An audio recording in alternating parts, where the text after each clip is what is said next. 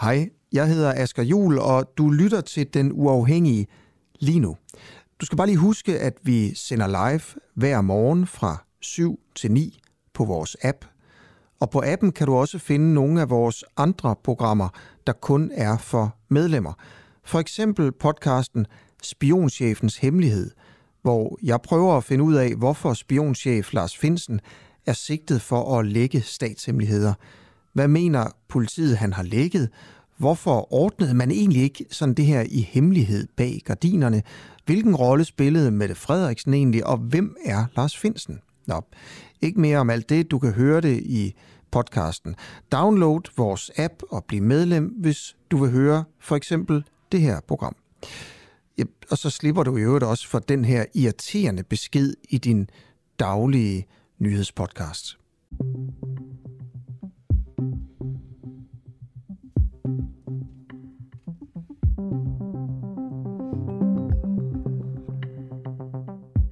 Velkommen til En Uafhængig Morgen med Camilla Boraki og Christoffer Lind.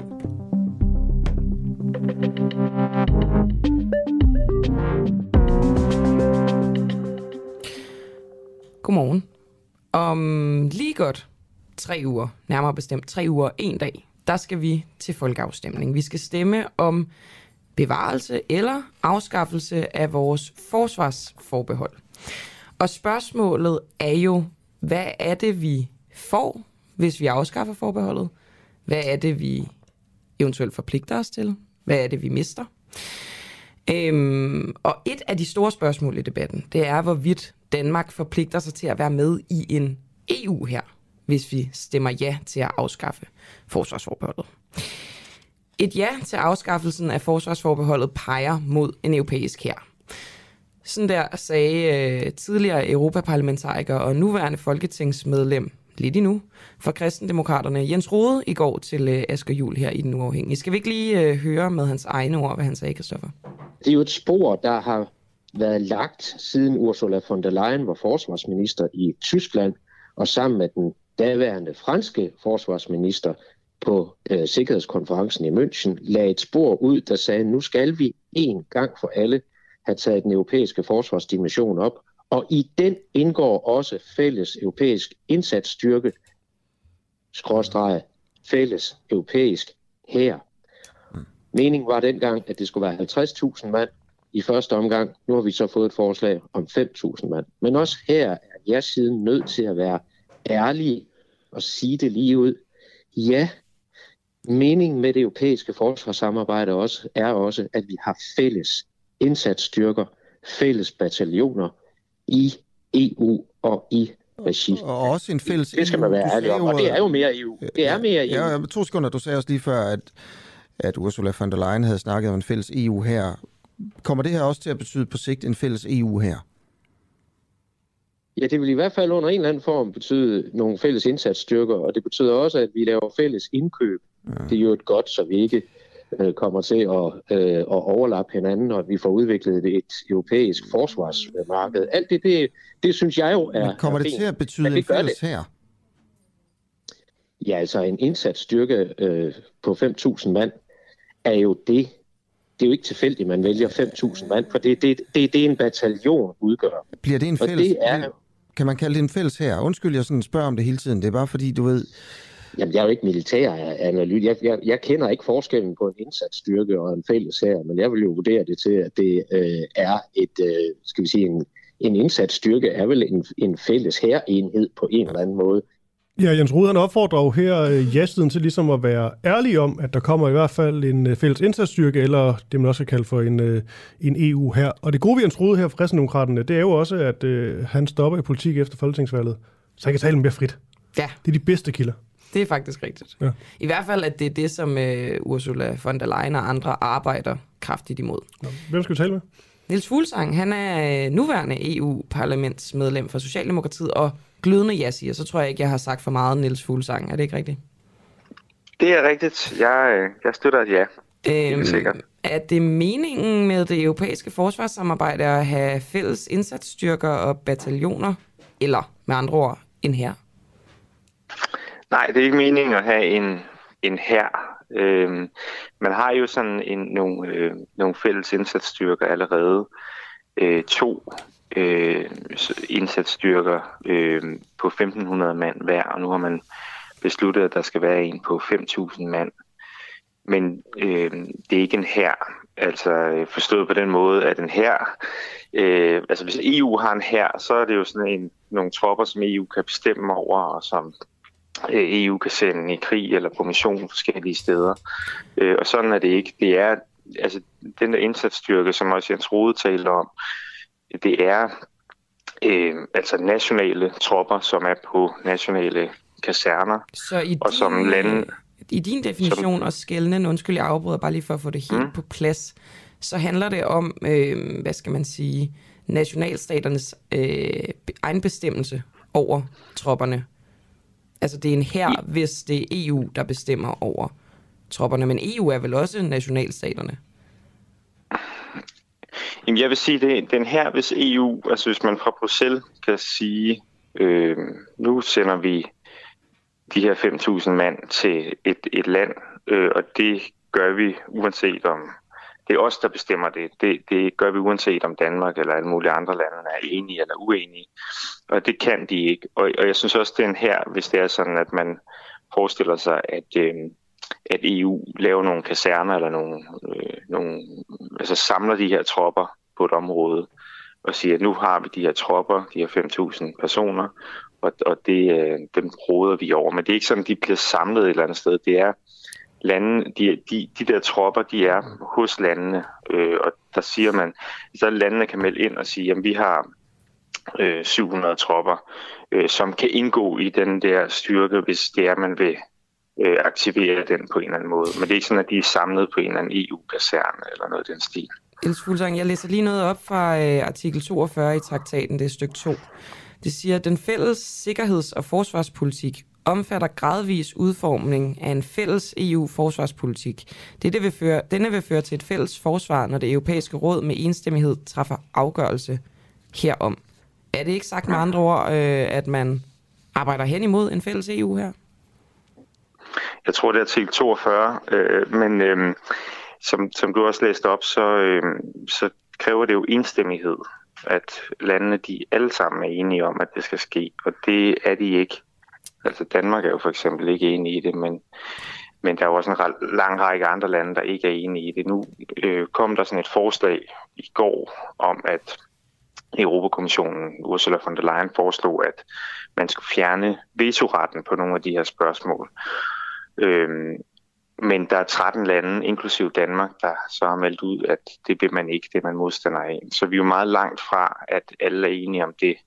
Øh, og derfor kan det ikke ske sådan, sådan, så vidt som jeg kan se. Men må man ikke også erkende, at selvom øh, processen dertil er øh, måske ikke så nem, altså med de her enstemmighedsafgørelser, øh, så står det vel i traktaten, og det er også ret tydeligt fra Ursula von der Leyen's side, at man ønsker at arbejde hen imod en fælles EU her. Øh, nej, der står ikke, at man ønsker at arbejde hen mod en her. Der, der, der står, så vidt jeg kan huske, øh, at man arbejder mod et EU, et fælles forsvar på en eller anden måde. Mm. Og, og hvad der så ligger i det, det, det kan man jo diskutere. Det tror jeg også er sådan lidt tvetydigt formuleret. Hvad betyder det? Øh, hvis det betyder, at man arbejder sammen om at øh, øh, lave nogle missioner, om at lave noget fælles indkøb og udvikle materiel osv., så, videre, så er det jo det, man gør i høj grad i dag, og det synes jeg er fint. Så der er ingen øh, kræfter men, i EU, som arbejder hen imod en fælles her? Jeg tror, at der er kræfter, blandt andet i Europaparlamentet, hvor jeg sidder, øh, der gerne vil have, at forsvarsområdet bliver mere overstatsligt på, på en eller anden måde. Jeg ved ikke, om de forestiller sig, at man skal fjerne vetoretten helt, sådan at øh, EU kan sende øh, danske tropper i krig, uden at Danmark er enig i det. Det tror jeg, der er få, der mener. Men du kan finde alle mulige holdninger i Europaparlamentet, for eksempel. Også nogle holdninger, som jeg synes er ekstreme. Men det betyder bare ikke, at det kommer til at ske, fordi det, det er ikke Europaparlamentet eller Europakommissionen, der bestemmer det. Alle lande skal være enige, før det, før det kan ske. Nils Fuglsang, har sådan antallet af soldater, det kan være spørge dumt nu, men har antallet af soldater noget at gøre med, hvorvidt det, du vil definere det som her eller ej? Nu taler meget om de her 5.000, så er det en indsatsstyrke osv. Hvis vi nu havde talt om 50.000, var det så en anden snak? Øh, nej, altså, ja, altså for mig at se, så handler det om, jamen er det Danmark, der bestemmer, eller er det EU, der bestemmer? Og har EU samlet de der tropper i, i, i nogle EU-bygninger øh, eller områder, hvor og så kan, man, så kan EU sende dem i krig eller på mission, uden at medlemslandene de kan nedlægge veto mod det. I så fald kunne man jo tale om, at EU havde en her, men, men, men det er ikke det, der er tilfældet. Øh, og det, det er det, jeg tror, man skal lægge vægt på. Jeg synes, det vigtigste er sådan set, at, at Danmark selv bestemmer, om man vil sætte øh, personale, øh, tropper i, på mission eller i krig, eller hvor man vil sende dem hen. Det, øh, det er jo sådan inde ved kernen af vores suverænitet som land. Det skal vi holde fast i, fordi det er jo noget af det vigtigste og mest alvorlige, der, der, der kan ske. Kort til sidst, Niels Fuglsang. Øh, jeg spurgte ind til det med, øh, om der var kræfter i EU, som ønskede en fælles EU her. Så henviser du til nogle øh, parlamentarikere, nogle af dem ekstreme. Men der er vel også folk i toppen af EU, der ønsker det her? Øhm, ja, altså, der er jo helt sikkert folk i toppen af EU, der vil have mere fælles forsvar. Og, jeg, og man kan sige, det er nogle gange og lidt tvetydigt, hvad der så menes med det. Ja, men, men det, det er vel ret tydeligt. Det ved, det, det ved jeg ikke. Altså, det, det er klart, at der er nogen, der vil have, også, på, også i Europakommissionen, øh, når Ursula von der Leyen vil, vil afskaffe noget af, af, eller foreslår, at man afskaffer noget af vetoretten på, på forsvarspolitikken, ja, så, går vi, så vil man gå i den retning. Det, det er jeg enig i, hvis man gjorde det. Og heldigvis så er det bare ikke hende, der bestemmer det. Øh, og når 13 lande er imod, så er vi, så kan jeg ikke se, hvordan, hvordan det kan ske. Fordi det er ikke bare noget med, med at der skal være et flertal for os. Som, som sagt, det er noget med, at alle skal være enige for, at det kan ske. Og det, det er vi ikke. Det er vi i hvert fald ikke i Danmark, og det er der mange andre, der, der heller ikke er. Jeg tror, det var det for denne gang. Niels Fuglsang, tak fordi du var øh, med så tidligt på morgenen. Selv tak. God dag. Det var en fornøjelse. God dag. Hej. Hej. Altså, øh, selverklæret, eller det var mig, der faktisk sagde det om ham, glødende ja-siger og Europa parlamentariker for Socialdemokratiet. Og han kommer ikke til at være ærlig om, at øh, der vil komme en EU her. Som Jens Rode jo foreslår, at ja. Så Nå. de vil. For det mener jeg Nej. simpelthen ikke. Han mener simpelthen, det er forkert uh, sat op, at Jens Rode er gået fra. Ja, det tror jeg. Men hvad tror du en... Øh, jeg troede selv ja, siger jeg skal lige sige. Men øh, hvad tror du en, en øh, nej siger, eller spørg sige Morten Messmet, han vil øh, sige til det her svar? Til, øh, til Niels Fuglsangs mm. svar. Hmm, ja, måske ville han lægge sig lidt op, at jeg prøvede at gå en lille smule kritisk til Niels Fuglsang i forhold til det der med kræfter i EU, der, øh, der arbejder mod en fælles her. Ikke? Og så tror jeg virkelig, at han ville byde fat i det her forslag øh, fra Ursula von der Leyen, om øh, at man skal afskaffe enstemmigheden på, øh, på forsvarsområdet.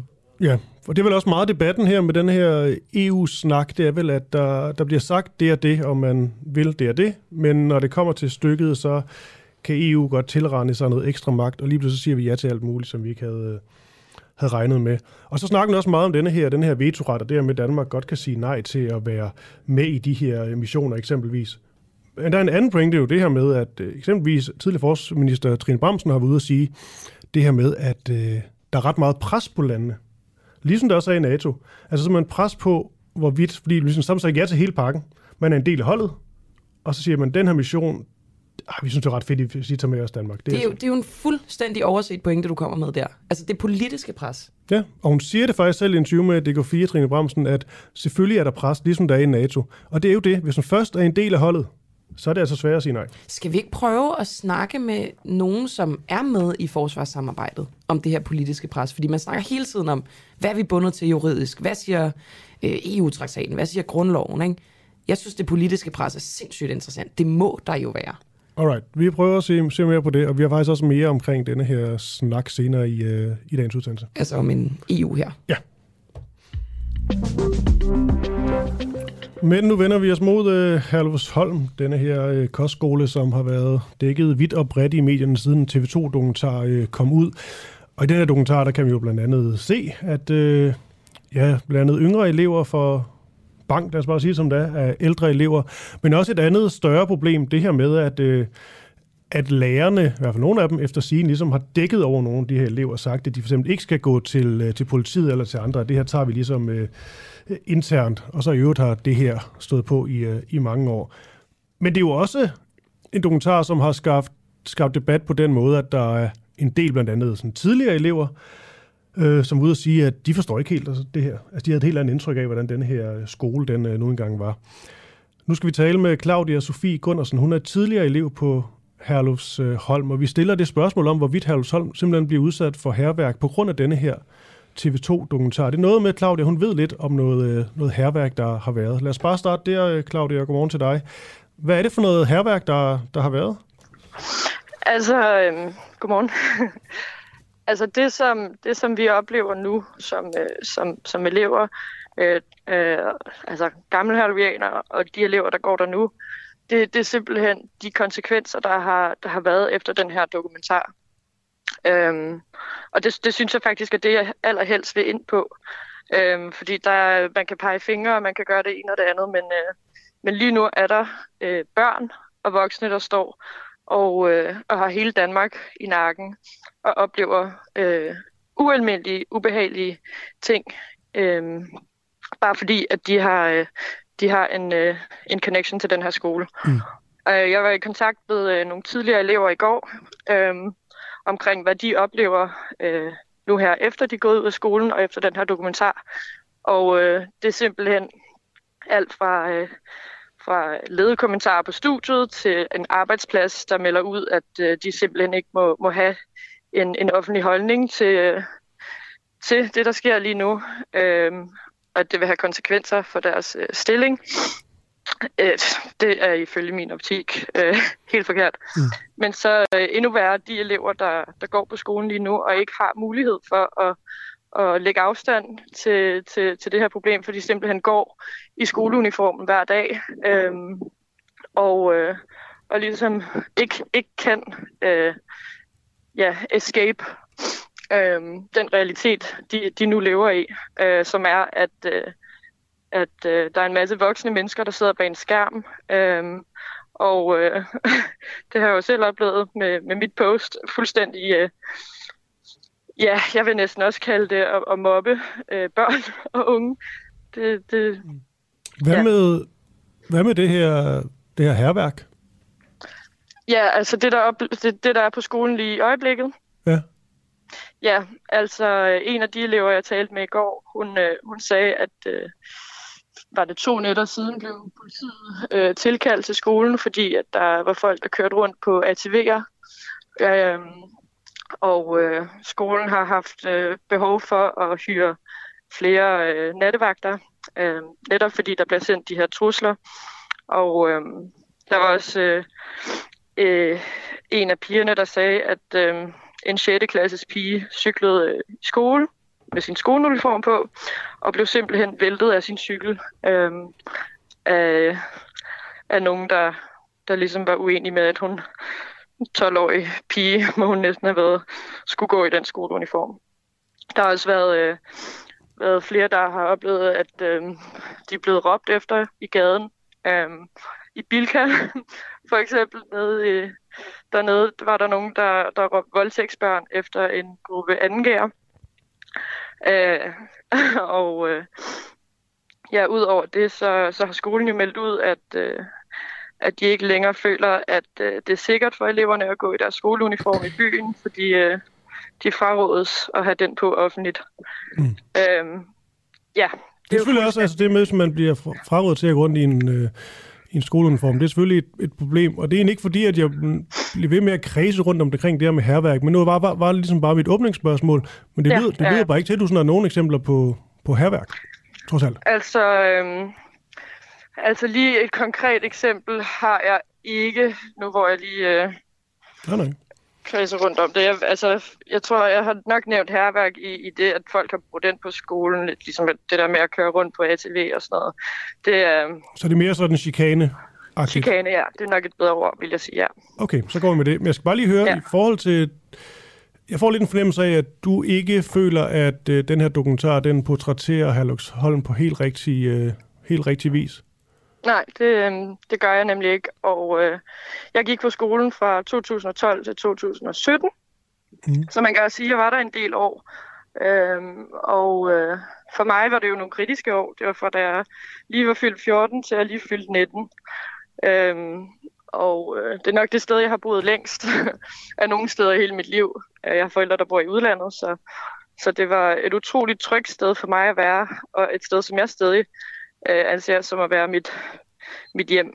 Okay. Så det er også derfor, mig og mange andre går, går det til forsvar på den her måde, fordi den, den op, opfattelse, som vi har af skolen, det er tryghed og hjem, og man kan jo ikke, man kan jo ikke undgå, at, øh, at der sker ting og sager på, på en skole med 600 plus elever, der er sammen næsten 24 timer i døgnet.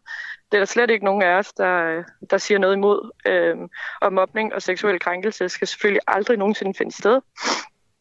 Men, men altså realiteten for langt de fleste Men ved os... at du ikke tager større afstand fra det, så er du vel lidt med til at man kan sige, skabe en kultur, hvor det godt kan finde sted, fordi at det er vel også ret svært for dem, der rent faktisk har stillet sig frem, når I så skal høre bagefter, at, øh, at andre elever har bare havde en god oplevelse, og forstår ikke, hvorfor det er blevet øh, blevet sådan op.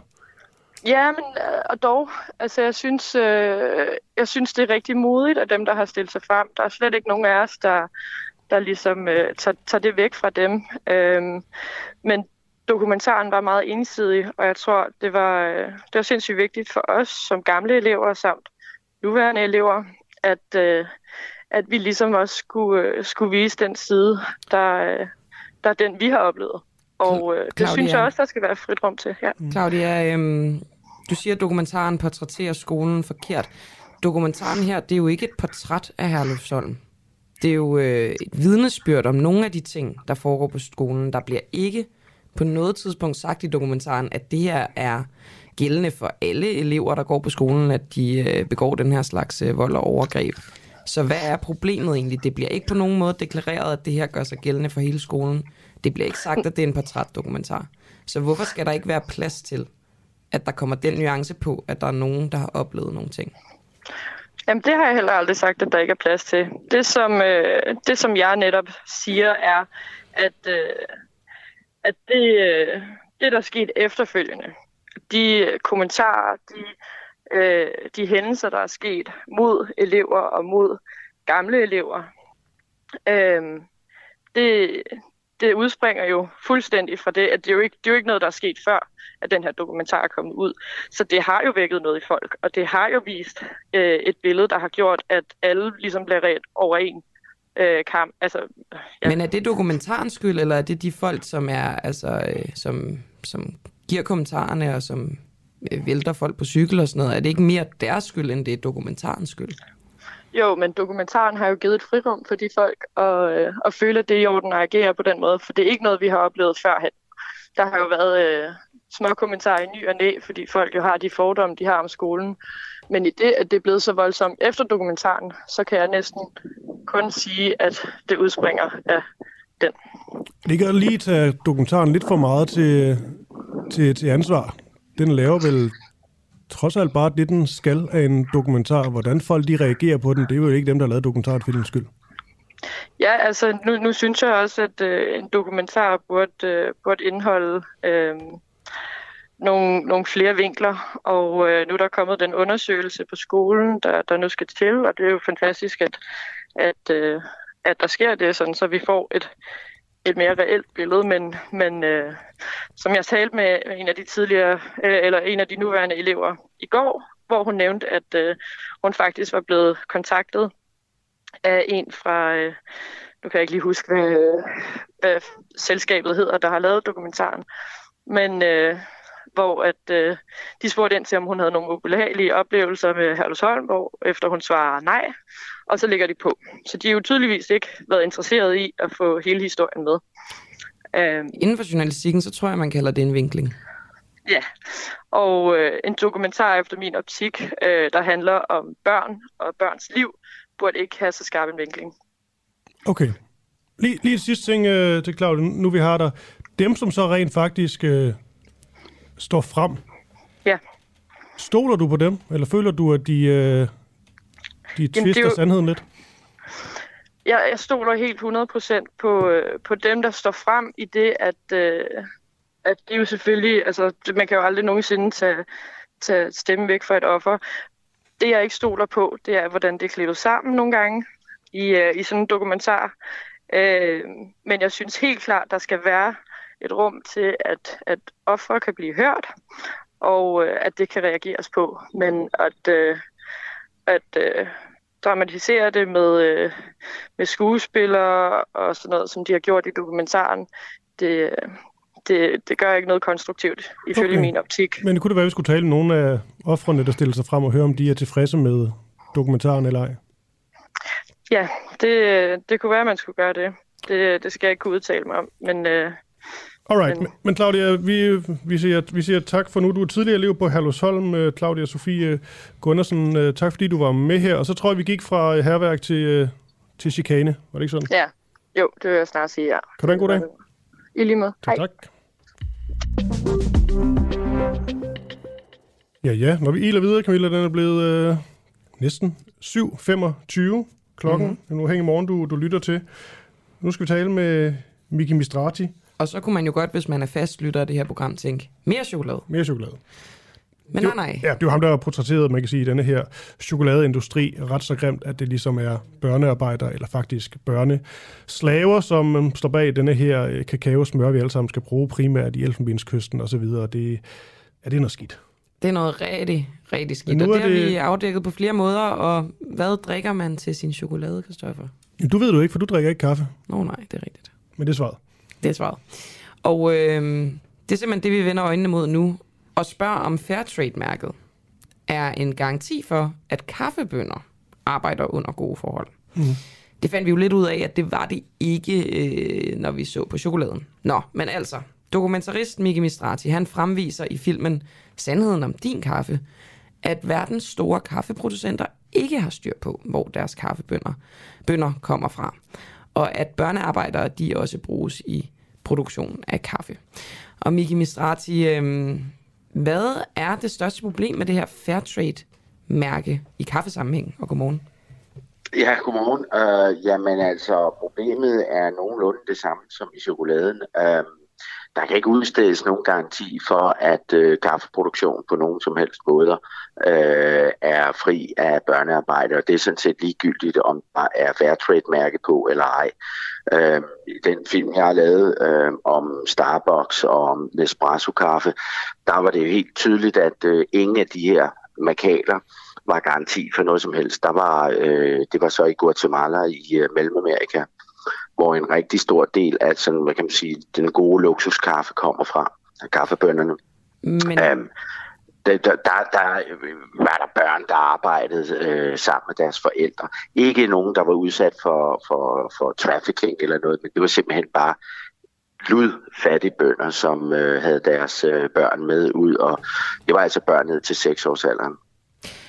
Men kan man ikke sige, at det her mærke, det trods alt altså, tilstræber at øh, skabe færre forhold, det vil sige ikke børnearbejde for eksempel, og at det måske er så langt, man kan håbe på, øh, når det er så stor en... Men Altså, det- forstår du, hvad jeg det- mener? det- At, at, ja, det at forstår jeg trods alt godt, men det tror noget, jeg, at du det er skal- bedre end ingenting. Ja, det tror jeg, du skal spørge øh, kunden om, øh, hvad de forventer, når at de køber kaffe med et Fairtrade-mærke. Altså problemet er jo, at enten er det Fairtrade, eller så er det ikke Fairtrade. Altså forstået på den måde, enten er der børn, eller så er der ikke børn øh, i produktionen. Og det, altså det der med at gøre det halvt, øh, det er jo for mig at se øh, øh, i vildledning dybest set. Altså på den måde kan man sige, jamen, hvorfor skulle du så købe det? Og jeg forstår udmærket argumentet, fordi jeg har det jo selv enormt stramt med ikke at skulle bruge øh, Fairtrade for eksempel. For jeg vil gerne have, at det virker. Jeg vil gerne have, at, at når jeg går ned og køber noget med et Fairtrade-mærke, så er der en øh, udstedt en garanti for, at i det her tilfælde, der har øh, farmerne øh, eller bønderne øh, eller bønderne fået en ordentlig pris, så de ikke behøver at bruge deres øh, børn i deres produktion. Og det kan jeg bare sige, det er ikke tilfældet. Fairtrade de øh, skriver øh, selv om Fairtrade-mærket, at Fairtrade-mærket er et vigtigt pejlemærke og en nem vejviser til produkter og varer, som er produceret under færre forhold og med hensyntagen til bæredygtige løsninger for både mennesker og miljø. Fairtrade-mærket arbejder for, at bønderne modtager en færre pris for deres råvarer, og at råvarerne er produceret under ordentlige forhold, der både tager hensyn til mennesker og miljøet. Øhm, Det er jo fint. Det er jo Øh, flot. de Det, jeg vil jo ønske, jeg vil, jeg vil jo ønske at, at, at alt de sagde der var øh, fantastisk. Altså, nu kan jeg jo sige, øh, Men er om det noget er en færre Jamen, det er jo, altså, jeg synes, du skal spørge bønderne, om de synes, de får en færre pris. Det gør de jo ikke. Altså, det, de synes ikke, at de får en færre pris. Så øh, det er jo ikke korrekt. At bruge udtrykket lyver, det synes jeg er så voldsomt.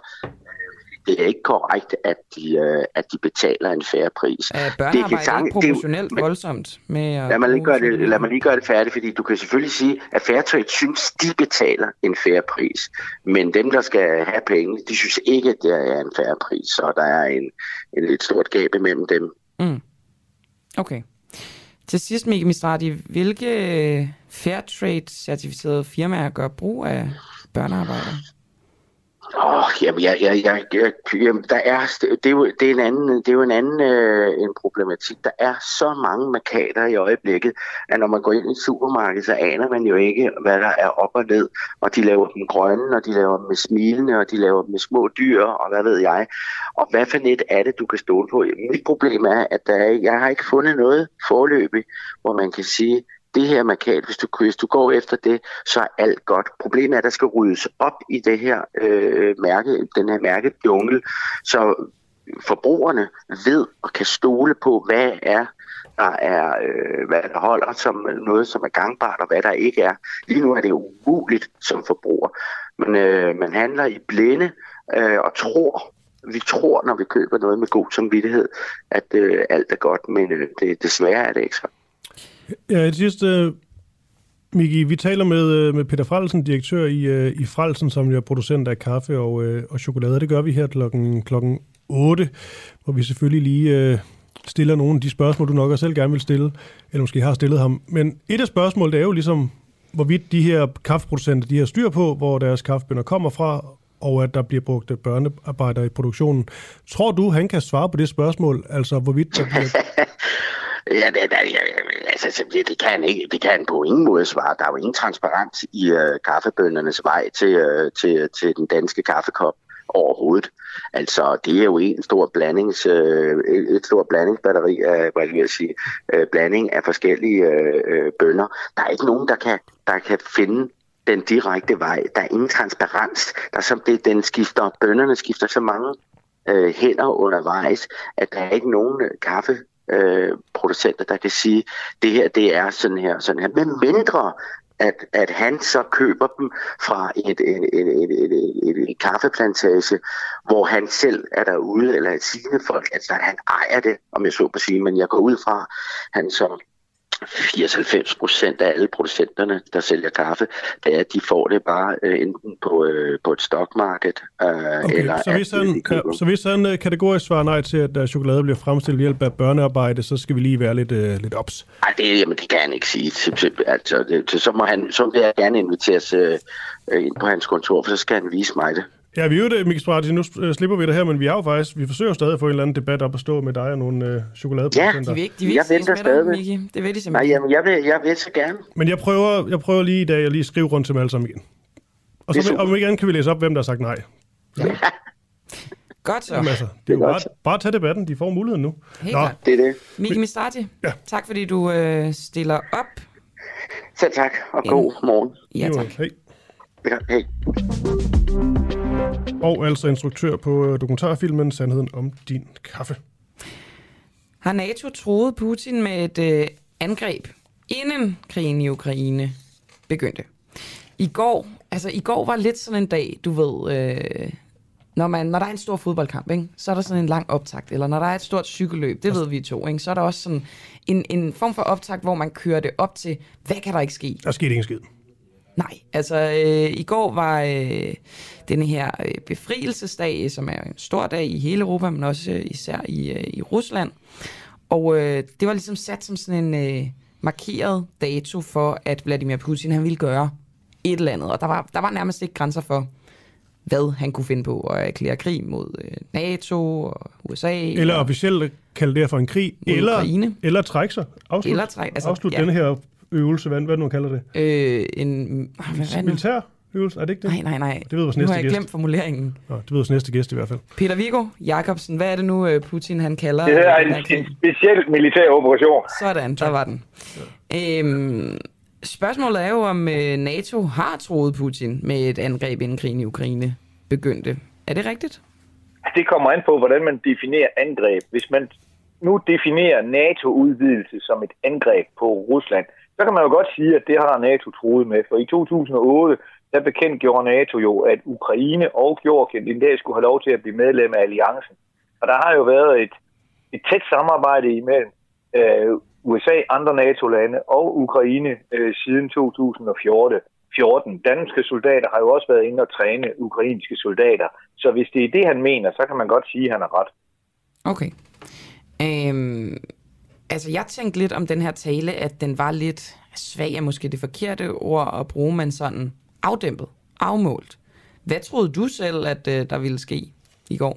Jeg, jeg troede ikke rigtigt, der ville ske så meget, fordi der var jo ikke noget at fejre vel, og jeg havde også, øh, altså det, det, det, som jeg synes kunne være mest interessant, det, hvis, det, det ville være, hvis han havde sagt, at han nu ville øh, mobilisere flere styrker, fordi det vi sidder og, og kigger på, når vi kigger på, på krigen i øjeblikket, det er jo, at vi lidt undrer os over, om han ikke har flere soldater og mere udstyr, han kan smide ind, fordi det går ikke så godt på kamppladsen. De russiske bestræbelser på at erobre Donbass-provinsen, som russerne siger er formålet med den her fase af krigen, ja, det går ikke så godt. Man kommer ikke rigtig ud af stedet, og omkring Kharkiv, der bliver man faktisk skubbet tilbage. Øh, ukrainerne er faktisk lykkedes med at få skubbet russerne så langt væk fra Kharkiv, at de ikke længere kan bombardere byen med artilleri. Så, så på den måde, der går det ikke lige frem så godt med krigen. Og det er selvfølgelig også den store forklaring på, hvorfor at Putin stort set ikke sagde noget om krigen. Mm. Så der er noget, der kunne tyde på, at han ikke har nok udstyr til at gennemføre Ja, det, som han ønsker? der, der, der er i hvert fald noget, der, der, altså, der er noget, der tyder på, at de soldater, han bruger, de er ved at være trætte eller ikke særlig dygtige og ikke særlig godt organiseret, for de er ikke i stand til at slå sig igennem øh, de forsvarsstillinger, som ukrainerne har. Og det er selvfølgelig også sværere at angribe, end det er at forsvare, forsvare sig. Fordi hvis man har i god tid har forberedt øh, sine stillinger og har god, godt styr på, på terræn og omgivelser, ja, så kan man jo lægge sig de bedste steder, hvor man er sværest at angribe og nedkæmpe. Og det er jo det, ukrainerne har gjort. Og så ved vi jo også nu, at ukrainerne får masser af hjælp fra amerikanerne, øh, be, altså informationer om, hvor russerne er, hvad de angriber med, hvornår de angriber osv. Og, og hvis man ved helt præcis, hvornår fjenden kommer og hvor mange de er, ja, så er de altså nemmere at, at bekæmpe. Og derfor så, er vi jo, så sidder vi jo og venter på, om russerne har tænkt sig at sende endnu flere soldater og, endnu, og, og andre former for udstyr, og måske mere avancerede våbensystemer i spil, for at, at opnå det der gennembrud, som de forsøger at, at, at, at få. Jeg hørte en øh, analytiker, nu kan jeg ikke lige huske hvilken, øh, men sige i kølvandet på i går, at øh, det pegede på, at det ville blive en, en langvarig krig, det her. Er du enig i det? Ja, ja det har vi jo kunne, kunne se et stykke tid, og, og det bygger man jo på, at russerne ser ikke ud til at være stærke nok til at gennemtvinge deres vilje, men det har ukrainerne indtil videre heller ikke været, altså stærke nok til at smide russerne ud af Ukraine, ud af Donbass og ud af Krim. Så det vi lige sidder og venter på, det er, hvor stor forskel kommer den her enorme våbenhjælp, som NATO nu er ved at give ukrainerne. Hvordan kommer den til at hjælpe ukrainerne? Øh, gør den ukrainerne så stærke, at de kan begynde at skubbe russerne baglæns? Fordi så kan det jo give en ny dynamik på kamppladsen. Mm. Våben kræver vel også hænder? Ja, men altså, det er jo ikke sådan, at, at, at det hedder, ukrainerne mangler hænder. Men, men, men de har ikke haft helt, helt så avancerede systemer, som vi er ved at give dem nu. Nu får de jo kampvogne, avanceret artilleri og forskellige andre ting, som vil, vil gøre dem bedre i stand til at, at hvad det hedder, angribe russerne. De får, altså, så på den måde der er vi nu ved at give ukrainerne øh, et mere offensivt potentiale, end de har haft tidligere. Og det bliver interessant at se, hvordan det kommer til at udfolde sig, øh, når de, hvis, når de får våbnene frem til, til fronten. Det har de ikke fået endnu. De skal også uddannes på noget af det, så det tager tid. Så det kunne godt tyde på en lidt øh, længerevarende Jamen, der er ikke nogen tvivl om, at det her kommer til at tage pænt lang tid, fordi øh, russerne ville selvfølgelig prøve at fastholde Krim og, og også prøve at få Donbass. Og som minimum, så vil de i hvert fald fastholde, prøve at fastholde det, som de havde, inden krigen startede. Altså Krim og noget af Donbass. Og omvendt, så vil ukrainerne jo ikke så længe, de begynder at se øh, fremskridt på slagmarken, så er de jo heller ikke interesserede i fred. Så vil de jo prøve at tilbagerubre så meget af deres land som muligt. Øh, og indtil de indser, at de ikke kan komme længere, ja, så vil de jo ikke begynde at tale øh, fred. Så, så ingen af parterne har interesse i fred i øjeblikket, selvom de, de snakker lidt om det en gang imellem. Tak for det, Peter Viggo Jacobsen. Det var så lidt. Fortsat goddag. I lige måde. Lektor ved Forsvarsakademiet. Ja, og lige om lidt, der taler vi med en, øh, ikke en lektor, men en formand for Serbisk Forening i, øh, i Danmark. Det er Slavko Labovic. Og det gør vi, fordi vi jo godt på, her på Nuhængi godt kan lide at, hvad siger man, dele sol og vand lige. Altså det her med, at, øh, at nu har vi så, det er jo ikke fordi, at de sådan er modstandere, Peter Viggo og, og Slavko, men det er i hvert fald måske to forskellige udlægninger af, hvorvidt øh, Putin han har ret i, at, øh, at NATO de vil øh, gå, i, øh, gå i krig mod dem. Og nogle af de forskellige ting, han sagde i går, så har vi også ligesom Slavko på for at komme med det, man kan sige, han er jo han er noget mere Putin, kan man sige, begejstret. Hvad siger man? Hmm. Det ved jeg ikke, man Han har i hvert fald et andet syn på verdens øh, tilstand end mange her i Vesten. Han vil nok kalde sig selv for nuanceret. Jeg kunne faktisk godt tænke mig at spørge Slavko, hvor han ligesom... Altså, man ved jo sådan nogle typer fra Forsvarsakademiet, de læser, læser, læser, har studeret, studeret, studeret. Kan vide, hvor Slavko han, øh, han har sin info fra? Ja, det må jeg spørge mig om lige om lidt. Vi kan lige, før det lige nå at tage en, øh, en nyhed eller to. Blandt andet så er der en her fra, fra Colombia. Det er bare fordi, det er altid ret vildt med sådan noget her. Et narkokartel. Aha. Colombias største narkokartel tager hævn. Den seneste uge er otte mennesker blevet dræbt i Colombia i det, myndighederne betegner som hævnangreb fra landets største narkokartel, det hedder Golfklanen. Ifølge myndighederne, der tager kartellet hævn for, at deres leder, Dairo Antonio Usuga, også kendt som Otoniel, han blev udleveret til USA i sidste uge. Og det er forventet, at det her det vil, det vil fortsætte. Nu går de altså helt logo. Øhm, det, det skal vi næsten have noget på i morgen. Et narkokartel, der, øh, der skal hævne sig. Det lyder som en, øh, en film. voldsom film, ja. Så er der også en her fra Dan om her, herhjemme. Danmark får kritik af EU for en for landbrugsplan. Danmark har ikke lagt en tilstrækkelig plan for, hvordan danske landbrugsarealer kan indrettes, så de er til mindst mulig skade for den omgivende natur. Det mener EU-kommissionen, som har vurderet Danmarks plan for en grøn omstilling af landbruget. Okay. Ja, det er spændende. Nå, okay. Det, jeg troede faktisk, at, øh, at vi, Vi- var rimelig vi- godt med med det der, men det er jo selvfølgelig... Vi det er jo dumper. altid, Jamen, det er også landbruget, ikke? Der bliver altid taget ganske meget hensyn til, til landbruget, ikke? Så tror jeg ikke, man har sagt for meget. Nej. Nå, spændende. Skal vi videre til herr Slavko? Det synes jeg. Okay. Ja, godmorgen, Slavko. Godmorgen. Godmorgen. Du er formand for Serbisk Forening i, øh, i Danmark. Du er også øh, skuespiller. Det er måske ikke så vigtigt i denne her øh, sammenhæng. Men altså i går, der holdt, øh, der holdt Vladimir Putin jo øh, en, en længere tale. Og her der sagde han blandt andet, at, øh, at NATO havde konkrete planer om en offensiv i øh, Donbass, som skulle lede til et angreb på, øh, på Rusland. Så lad os bare lige starte der. Ifølge dig, Slavko, hvad var det så for nogle planer, som, øh, som NATO de havde? Uh, nu skal du høre. Uh, jeg har jo fulgt uh, meget med, og har jeg læst det dagligt uh, hernede, hvor jeg er i øjeblikket. Jeg er med, jeg er med i en uh, lokal film- og tv-serie hernede i Beograd. Mm. Og jeg har, i, i og med, at jeg er i Serbien, har jeg adgang til de russiske medier, hvad man ikke har i hverken EU eller, eller resten af, af Vesten. Så jeg forsøger at følge så godt med, og det er selvfølgelig heller ikke kun de russiske medier, jeg følger med i, men også almindelige danske og andre vestlige medier. Og hvad hedder det? Jeg har selvfølgelig fuldt talen. Nu taler jeg ikke russisk, men russisk er jo et slavisk sprog, ligesom serbisk, så der er mange ting, jeg forstod, men jeg har selvfølgelig også læst oversættelsen af hele talen, og det som, det, som den russiske præsident øh, har i sin tale øh, gjort redde for over for den russiske befolkning, det er først og fremmest, at, øh, at den russiske intervention i øh, Ukraine var bydende nødvendig. Og der har har han givet en række, en række årsager, øh, hvorfor den var det. Og der skal man, der er man nødt til, øh, for at forstå situationen, gå en lille smule tilbage i tiden, øh, for at forstå, hvad, hvad, hvad der egentlig er baggrunden for. Fordi i den vestlige verden, der fokuserer man meget på, at krigen er startet den 24. februar 2022. Det er helt forkert. Krigen er startet meget, meget, meget tidligere, og det har medført en række begivenheder, der, der, der ifølge den russiske præsident har tvunget Rusland til decideret, som han, som han udtrykker, at forsvare sig. Øh, hvis jeg lige må give en kort oversigt over, hvad, hvad, hvad, hvad han sagde til den, til den russiske befolkning, og hvorfor, øh, der, der, der, der er man nødt til at forstå, at, øh, at der faktisk var et kup i marts måned 2014 i Ukraine, hvor den folkevalgte demokratiske regering i Ukraine blev uh, kuppet uh, faktisk ved hjælp af USA. Og det medførte, at der kom en, uh, en uh, marionetregering, der var indsat af USA og de amerikanske efterretningstjenester i Ukraine.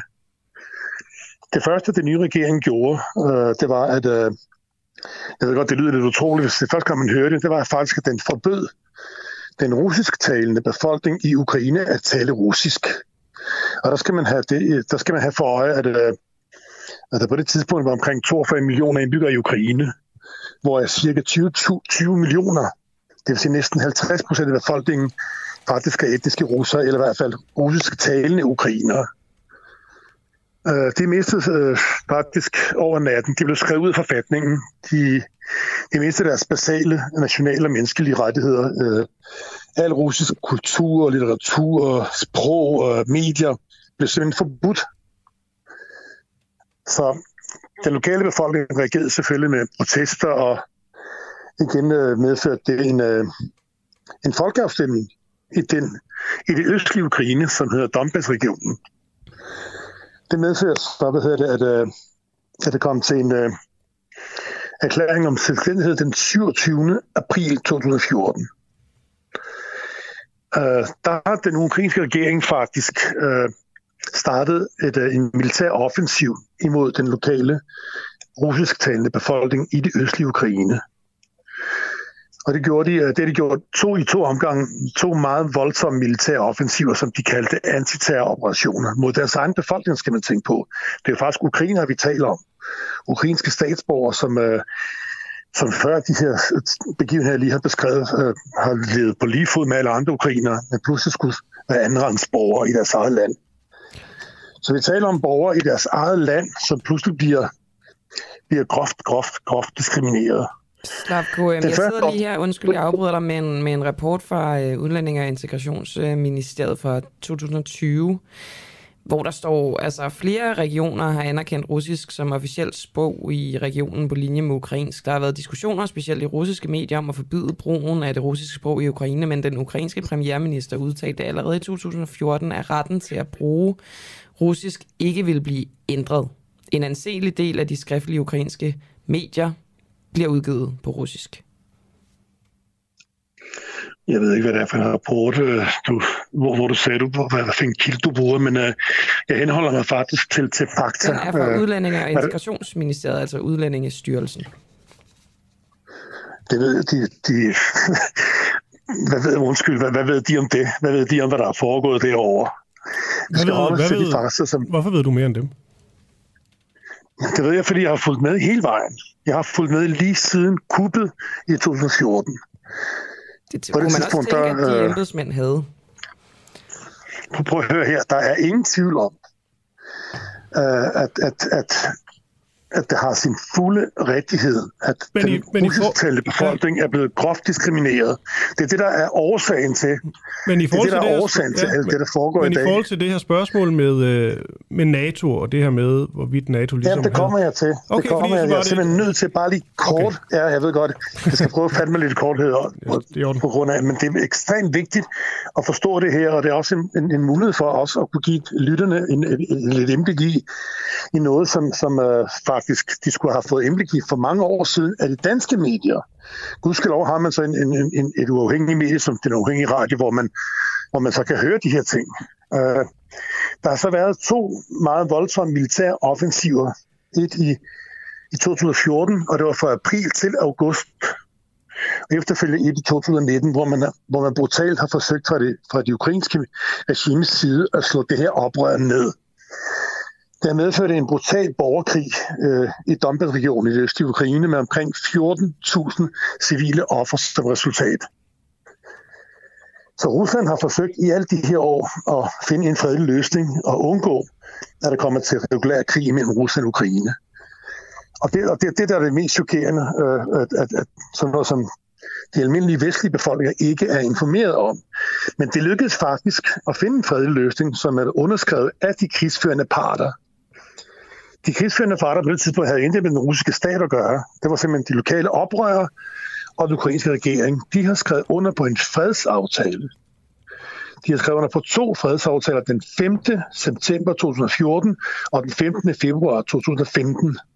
De fredsaftaler, de fredsaftaler er kendt som Minsk 1 og Minsk 2. Og det har været med Tyskland og Frankrig som garanter, og med Rusland som garanter. Ikke som medunderskriver, men som garanter for fredsaftalen.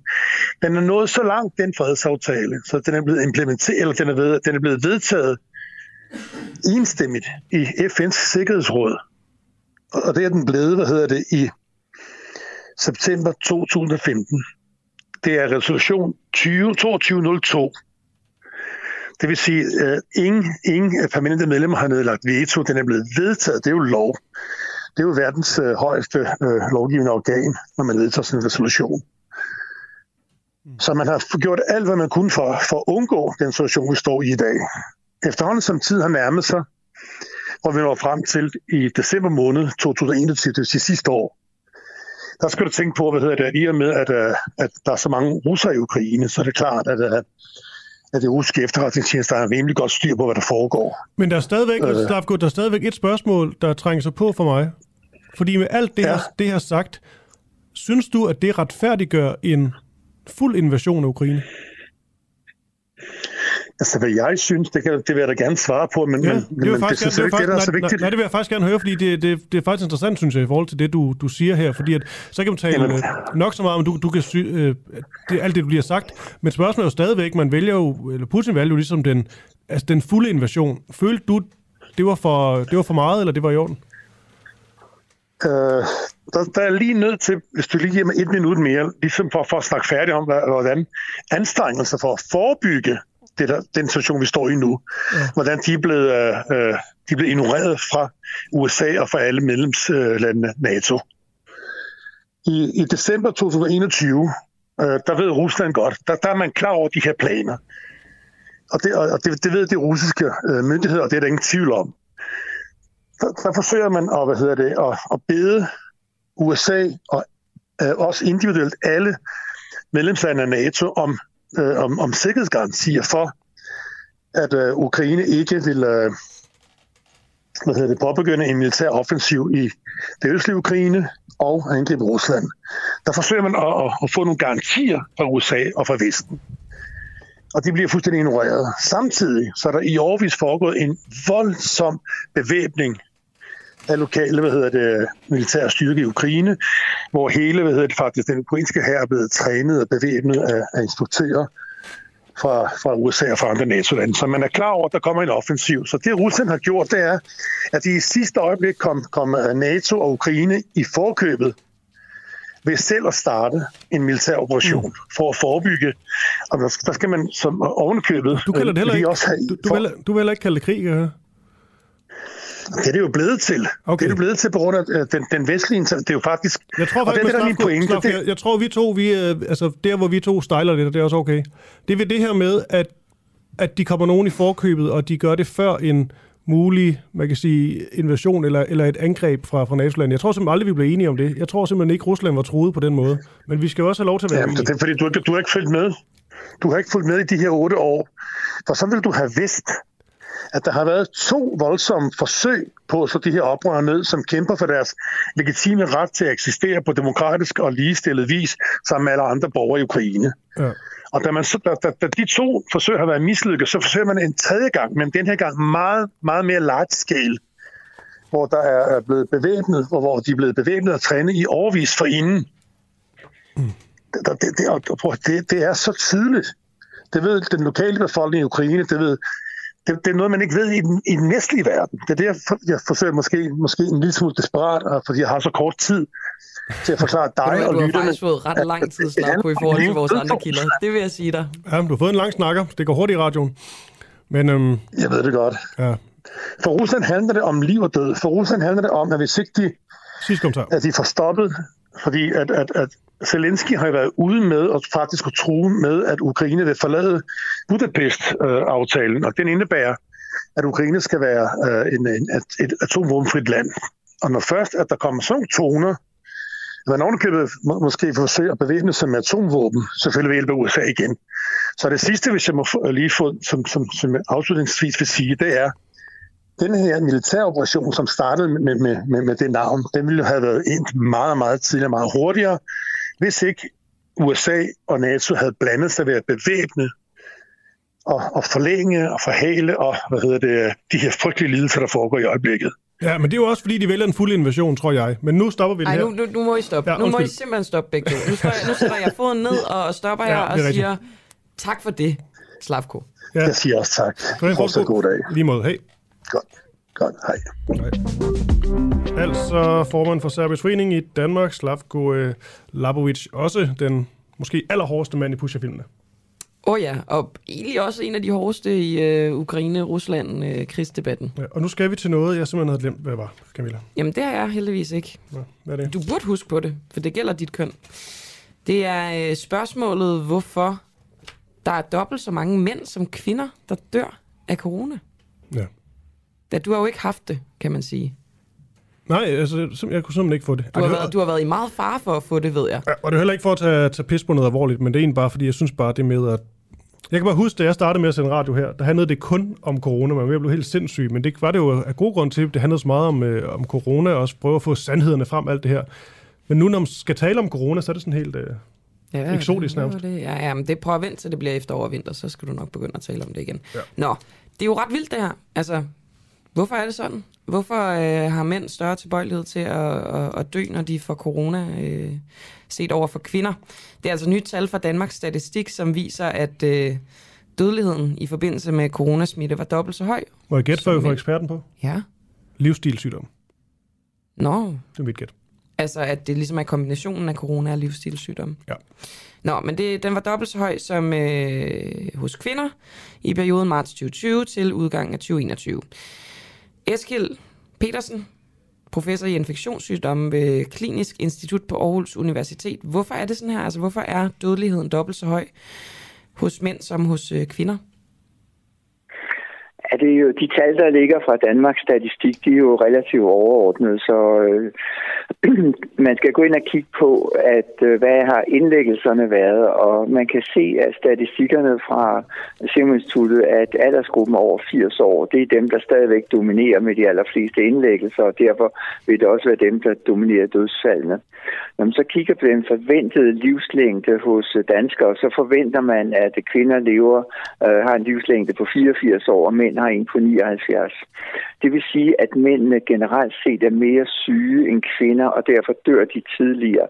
Når mænd derfor kommer op i øh, nærheden af de 80 år, så vil de have flere følgesygdomme, eller som der lige blev sagt, livsstilssygdomme, som for eksempel kronisk bronkitis, fordi de øh, 80 år jo har ofte røget, da de var unge i hvert fald, og øh, måske har mere øh, overvægt, måske mere diabetes, måske mere forhøjet blodtryk, end hvad øh, kvinderne har. Så, så det overrasker sådan set ikke, fordi mændene overordnet set har en, en, øh, et dårligere helbred, og det øh, afspejler sig i den øh, lavere forventede levealder. Så derfor er jeg ikke særlig overrasket over de her tal. Så på en mere simpel måde kan man sige, at det har ikke noget at gøre med corona. Det er i virkeligheden bare, som det altid har været, og så med lidt coronadrys ovenpå, på en eller anden måde. Ja, det kan man godt sige. Det, det, de tal, som vi mangler, er øh, vaccinationsdækningen blandt mænd og kvinder, men jeg har ikke kunnet finde nogen tal, der antyder, at der skulle være en væsentligt lavere vaccinationsdækning i de ældre aldersgrupper blandt mænd sammenlignet med øh, kvinder, fordi det kunne være en faktor, der som spillede ind, hvis mændene var øh, mindre vaccineret, end hvad altså, kvinderne er. Men det er ikke nogen tal, jeg har kunnet et, finde. øh, altså sådan øh, lidt et rygte for ikke at ville gå lige så meget til lægen, så det kunne da måske godt være. Nej, det er virkelig uvidenskabeligt. Hvad siger du? Jamen, det er bare, det, jeg synes altid, man siger, at mænd de, øh, ikke er så glade for at gå til lægen, så det kunne også være, at de ikke var så glade for at gå ned og blive vaccineret. Det er fuldstændig uvidenskabeligt sagt, dog, vil jeg sige. Jamen, det ved jeg ikke. Altså, jeg har ikke kunnet finde nogen tal, som antyder, at mænd er mindre vaccineret end kvinder, i, øh, i hvert fald ikke i de ældre aldersgrupper. Øh, så, så jeg tror, det her er simpelthen en afspejling af, som du selv siger, det her er den sædvanlige forskel, som vi kender øh, i øh, livsstil, og så kommer der et drys øh, corona oveni, og så ser vi den der dødelighed. Og stadigvæk, så er det jo aldersgruppen over 80 år, der har ramt mest, og det er også der, hvor den forventede levealder virkelig viser, at, øh, at, at mænd har et dårligere helbred, især når de bliver ældre sammenlignet med kvinder. Eskild Petersen, nu vil lige øh, har der... Jeg noget, jeg synes har været sådan lidt underbelyst, det er det her med, hvor meget sådan noget som overvægt kan få betydning af, hvordan du bliver, øh, hvordan dit sygdomsforløb er, forløb er, undskyld. Øhm, kan, det her, kan det spille ind i forhold til det her, altså, altså overvægt? Ja, helt, helt sikkert. Altså måske ikke overvægt i sig selv, men overvægt er jo ofte koblet til en, øh, hvad skal man sige, en, øh, en øh, sukkersyge, som er under udvikling. Og det er mere sukkersyge. Vi ved, at sukkersyge i øh, alle sammenhænge giver dig et øh, dårligere immunsvar. Så det er mere, at du har en, øh, en sukkersyge, som du måske ikke har fået erkendt, hvis du er overvægtig. Og hvis du så, samtidig motionerer mindre, og, og du har måske en snært af en kronisk bronkit, fordi du på et eller andet tidspunkt i dit liv har røget, øh, selvom du har holdt op nu, så forklarer det forskellen. Det, det, det spiller en stor rolle. Det lyder meget som mig, det der. Minus sukkersyn dog. Så, no. så, så det, det afslører den almindelige, øh, de almindelige sundhedsforhold i samfundet, det her, tror jeg. Ja. Det tror jeg var, øh, var det, Eskild Petersen? Ja, det tror jeg, at det, det var. Altså, det er ikke specielt mystisk, når man dykker Nej, lidt ned i tallene. ikke. Det lyder jo sådan, at Nej. det øh, egentlig giver, giver ganske god mening, og øh, og flugter meget godt med, hvordan det ellers er øh, normalt. En anden ting, som jeg, jeg måske kunne fremhæve, det er, at der er lige kommet en undersøgelse her den 6. maj fra Serum som viser, at op til den 15. marts, der har 70 procent af danskerne haft øh, coronavirus. Og det gør jo også, at det har været en periode, hvor der har været et relativt højt indlæggelsetal, ikke mindst blandt de ældre.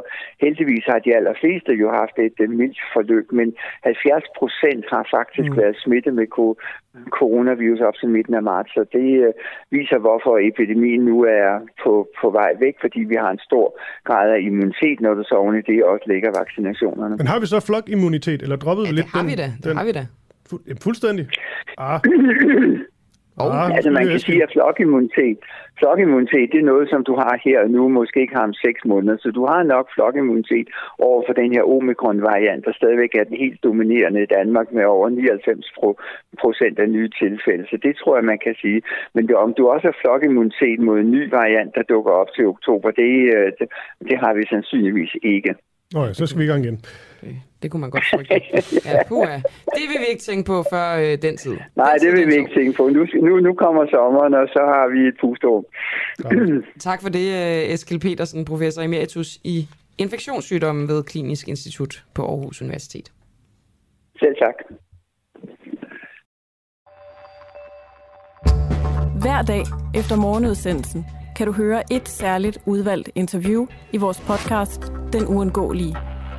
Interviewet er valgt, fordi det er det bedste, det vigtigste eller mest interessante. Altså, gælder, gælder ejendomsretten ikke for dig, Bibi, bare fordi du er kunstner? Jo, jo, selvfølgelig gør den det, og det er klart, at hvis der skulle være et, øh, et efterspil, så står, jeg, så står jeg naturligvis øh, til rådighed for domstolen, og jeg øh, forholder mig til, til de følger, der måtte komme. Det står jeg 100% til ansvar for. Du finder den uundgåelige i vores app, eller der, hvor du henter din podcast. Et nyt interview hver dag. For dig, som ikke fik hørt hele morgenudsendelsen, men ikke vil gå glip af dagens bedste interview.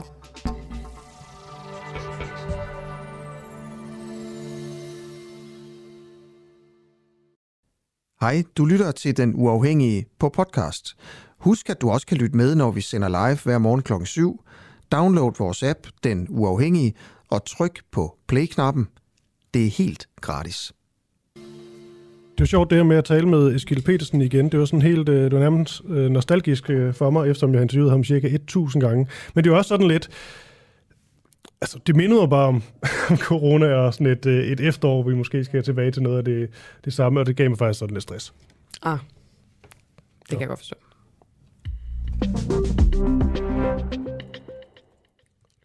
Nå, er Fairtrade-mærket garanti for gode arbejdsforhold for kaffe og kakaobønder? Det spørgsmål stillede vi tidligere på morgen, hvor vi talte med øh, Miki Mistrati, som øhm, fremviser det her i sin film, der hedder Sandheden om din, øh, din kaffe. Her der øh, kan man blandt andet se, at verdens store kaffeproducenter simpelthen ikke har styr på, hvor deres kaffebønder de kommer fra, og at der altså bliver brugt øh, børnearbejder i, øh, i produktionen.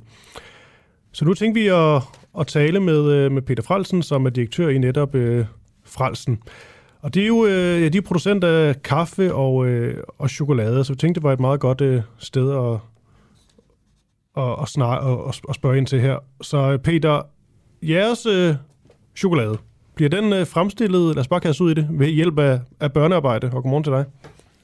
Det, det, det, det håber jeg så sandelig ikke, men, men som det også har været fremme tidligere, nu vil jeg også lige starte med at sige, at jeg er jo direktør for Frelsen Chokolade. Ja. Så, så jeg er sådan mest på chokoladedelen, men vi er også et kaffefirma, og, øh, og det, det vil jeg jo selvfølgelig også prøve at svare på, hvis der er mm. nogle spørgsmål der. Ikke? Alright. Øhm, det, det, det er svært at stille garantier, men, øh, men, men hvis man køber, eller den chokolade, vi bruger i produktionen hos Frelsen, den, øh, der betaler vi en mere pris for, at den er certificeret UTZ, som nu bliver til Rainforest Alliance. Ikke? Og, øh, og, og der ved vi i hvert fald, at der er nogle mennesker i området, som aktivt arbejder for at forbedre forholdene for kakaobønderne og, og bekæmpe børnearbejde. Okay, da vi talte med Miki Mistrati tidligere i morges, der, øh, der spurgte jeg ham ligesom, hvis jeg stiller det her spørgsmål, bliver jeres chokolade fremstillet ved hjælp af børnearbejde, så er det nærmest kategorisk umuligt for dig at svare, øh, svare nej. Der må jeg sige, at jeg er fuldstændig enig med ham. Okay. Det er klart, at når man handler, som vi gør her med, med nogle af verdens fattigste egne, så, så, så kæmper de jo med de her fattigdomsproblemer, som også er, er børnearbejde. Og jeg havde selv lejligheden til at besøge øh, Vestafrika til helt tilbage i 2012 sammen med vores chokolademester. Og, øh, og det er klart, det er, det, det er et meget, meget øh, fattigt område af verden. Og, øh, og det er også meget kontrastfyldt. Man kan jo gå fra en, en skyskraberby, og så bagefter så står du ikke langt derfra i en, øh, en stråtægtshytte, som ser ud som om den er 5.000 år gammel. Ikke? Øh, øh, og, og, og, og det første, der slår en, når man kommer til Afrika, det er også, at der er, der er rigtig, rigtig mange børn. Øh, vi, vi var dernede i 2012. Det var så i forbindelse med et andet program, hvor vi var øh, inviteret af, af en af vores øh, chokoladeleverandører. Øh, og øh, og det, det var så det, der hed Quality Partner Program dengang.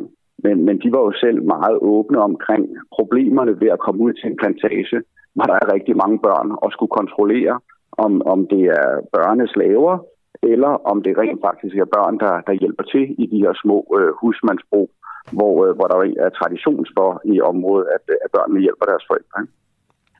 Okay, jeg synes dog, at vi også har haft denne her snak med Mistrati ja, og andre chokoladeproducenter tidligere, det her med børnearbejde kontra børneslaver, hvor vi godt blev enige om, at børneslaver, det er værre. Men jeg har også lidt med den her formulering, sådan at, at så, hvis det er børnearbejde, så hjælper de til, og det er fint nok. Det er vel ikke fint nok? Nej, selvfølgelig er det ikke det. Og, øh, og, og, og det er jo også... Øh, det er jo også svært at, og, og hvad skal man sige, og i øvrigt apropos det der med børneslaver, der der var masser af skilte rundt omkring øh, i området. Øh, jeg var i Elfenbenskysten i Abidjan, og der, der var store gadeskilte med, at børneslaver er forbudt, og de prøver at oplyse omkring dernede, så, så det er jo ikke det er jo ikke en problematik, der, der er ukendt. Ikke?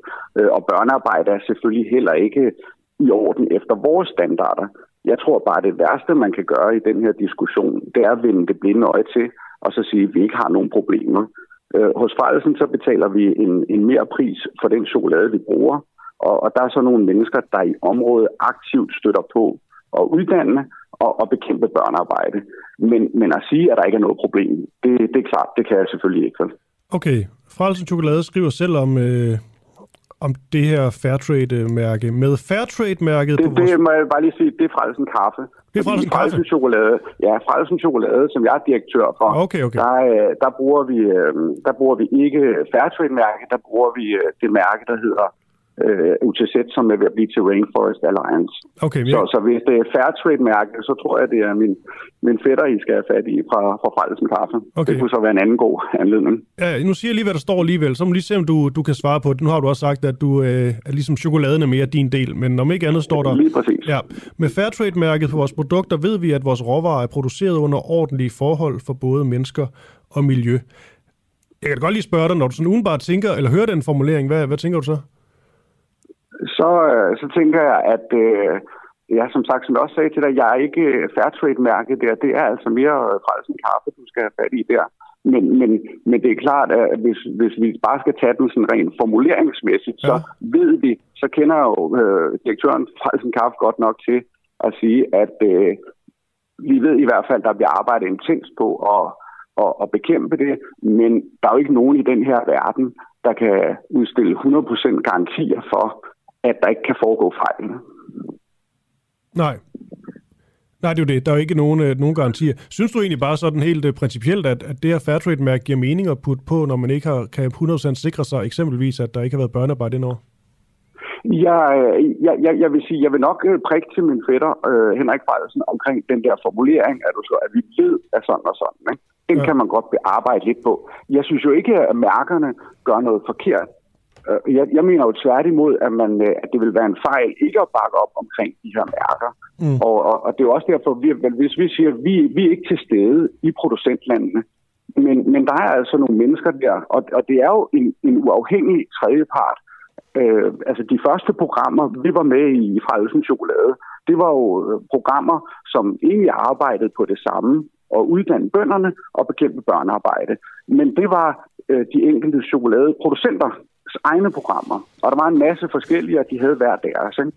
Det vi jo egentlig har fået med, med, med UTZ Rainforest Alliance, det er jo, at det er en, en tredje part, en uafhængig, som går ud og, og besøger plantagerne og sikrer, at, at forholdene er i orden. Men selvfølgelig er det en kæmpe udfordring. Men, men jeg mener da ikke, at, at det skal være... Jeg, jeg synes jo næsten, det værste er, hvis der sker fejl i den slags organisationer, som virkelig arbejder passioneret for at gøre det bedre for nogle mennesker i nogle ekstremt fattige egne, og vende dem ryggen, fordi der bliver opdaget noget snyd. Jeg har ikke nogen konkrete eksempler eller nogle steder, hvor, hvor det fejler, som det er jo tydeligt i, i Miki Mistratis uh, dokumentar, mm. og så vende dem alle sammen ryggen.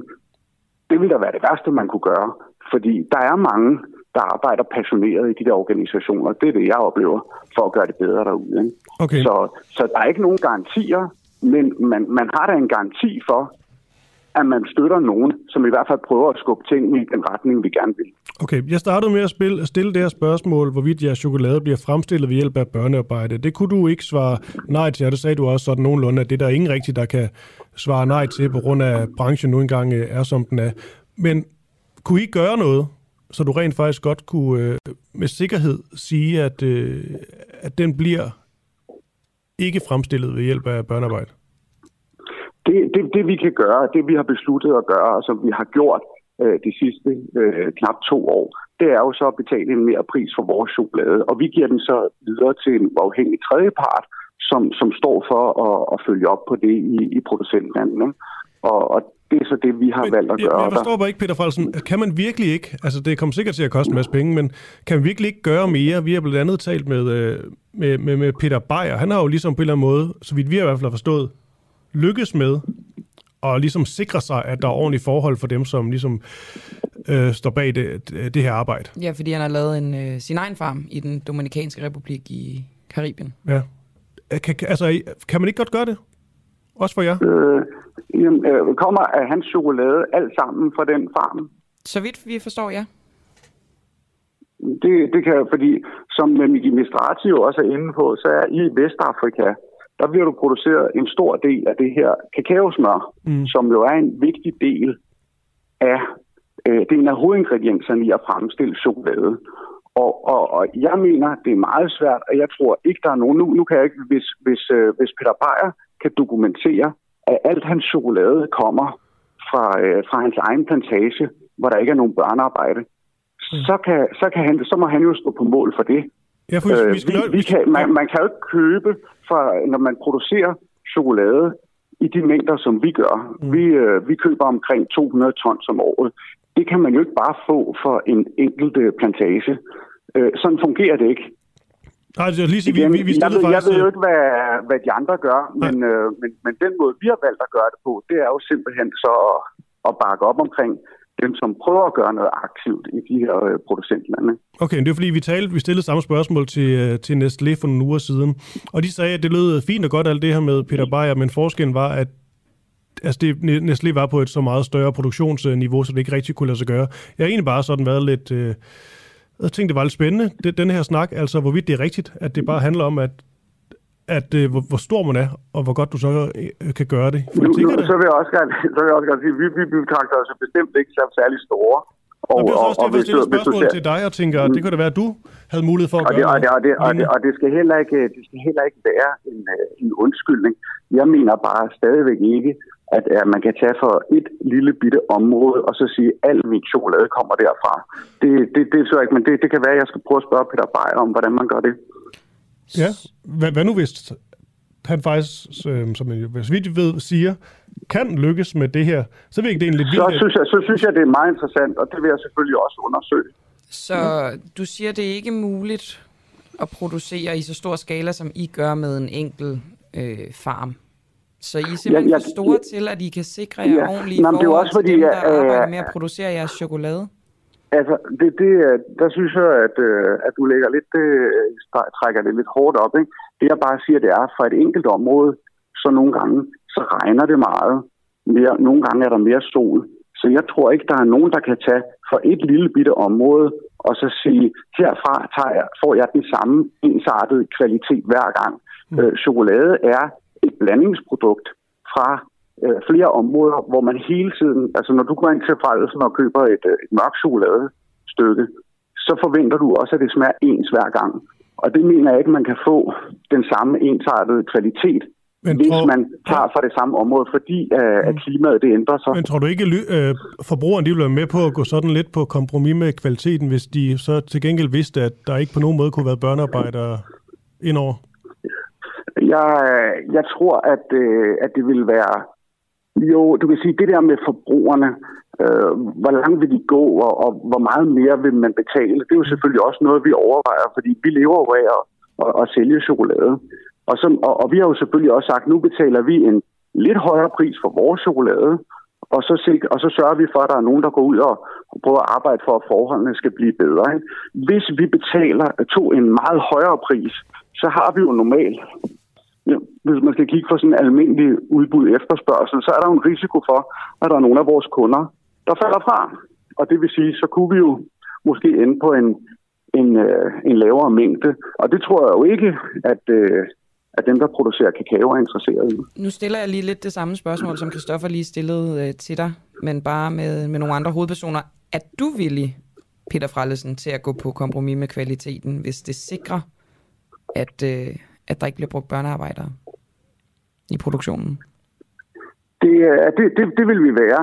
Hvis, det er klart, vi kan jo ikke arbejde i en produktion. Vi producerer jo selv på vores egen fabrik her i Roskilde. Og det er klart, vi kan jo ikke, vi kan jo ikke, det nytter jo ikke noget, hvis hver gang vi får chokolade, øh, øh, at, den svinger i, i ensartethed og viskositet. Og, altså der, der, vil, der vil være nogle krav for, at man kan lave det samme produkt. Ikke? Øh, jamen, jeg tror simpelthen, den, det er lidt en pseudo-diskussion, vi har nu, fordi jeg tror simpelthen grundlæggende ikke, det kan lade sig gøre. Men, men det, er jo, det er jo så det, der er jeres tese, at man, man kan tage chokolade, men det, det må jeg jo prøve at drøfte med, øh, med, med dem, vi får chokoladen fra. Men jeg mener simpelthen ikke, at i og med chokolade er et blandingsprodukt, Mm. så kan man ikke bare tage for en mark og sige, min chokolade kommer derfra. Det tror jeg ikke, der er nogen, der kan. Men hvis der er nogen, der kan det, som I jo siger, så må vi jo prøve at undersøge det. Jeg, jeg tror, at den eneste garanti, jeg kan stille, det er jo at sige, at vi har de sidste rigtig mange år beskæftiget os med det her. Og jeg synes egentlig, det værste, man kan gøre, det er at sige, som jeg også sagde indledningsvis, at der ikke er noget problem. Fordi selvfølgelig er der problemer, når man køber chokolade i, i nogle af verdens fattigste lande. Og derfor så bliver man nødt til at, at tage den her diskussion, ligesom vi tager nu. Og vi synes også, det er godt, der kommer fokus på det med de programmer, som der bliver vist i fjernsynet. Fordi selvfølgelig er der et problem, og vi må gøre noget aktivt, og vi har så valgt at støtte, og det er jo et verdens største program, UTZ Rainforest Alliance, vil jeg sige, vi betaler en mere pris for vores chokolade, for der er nogen, der aktivt er til stede i de her områder. Og så, hvis man sætter tingene lidt på spidsen, så kunne man sige, hvis vi havde en lille bitte mark, hvad jeg ikke tror kan lade sig gøre, og kun fik vores kakaofrugter derfra, så ville det jo heller ikke hjælpe de her andre områder. Mm. Jeg, jeg har hørt en, der sagde øh, her forleden også, eller, eller skrev, at nu, nu købte han kun et, et stykke chokolade, som, øh, som der stod Ecuador på. Fordi så var man ligesom langt væk fra Vestafrika. Og der, der kan jeg jo ikke lade være at tænke, gør, gør vi øh, kakaobønderne i Vestafrika en, øh, en tjeneste ved ikke at købe deres kakao mere. Og øh, nu har jeg selv haft mulighed for at rejse en del i Sydamerika og Mellemamerika, og der er jo også masser af fattigdomsproblemer. Så det tror jeg jo egentlig heller ikke er løsningen. Og, og, og det er jo også lidt det, som øh, Miki Mistrati siger her tidligere, og som jeg giver ham ret i. Vi skal, der, skal, der skal være fokus på det, og der skal ryddes op i nogle af alle de her mærkninger. Ikke?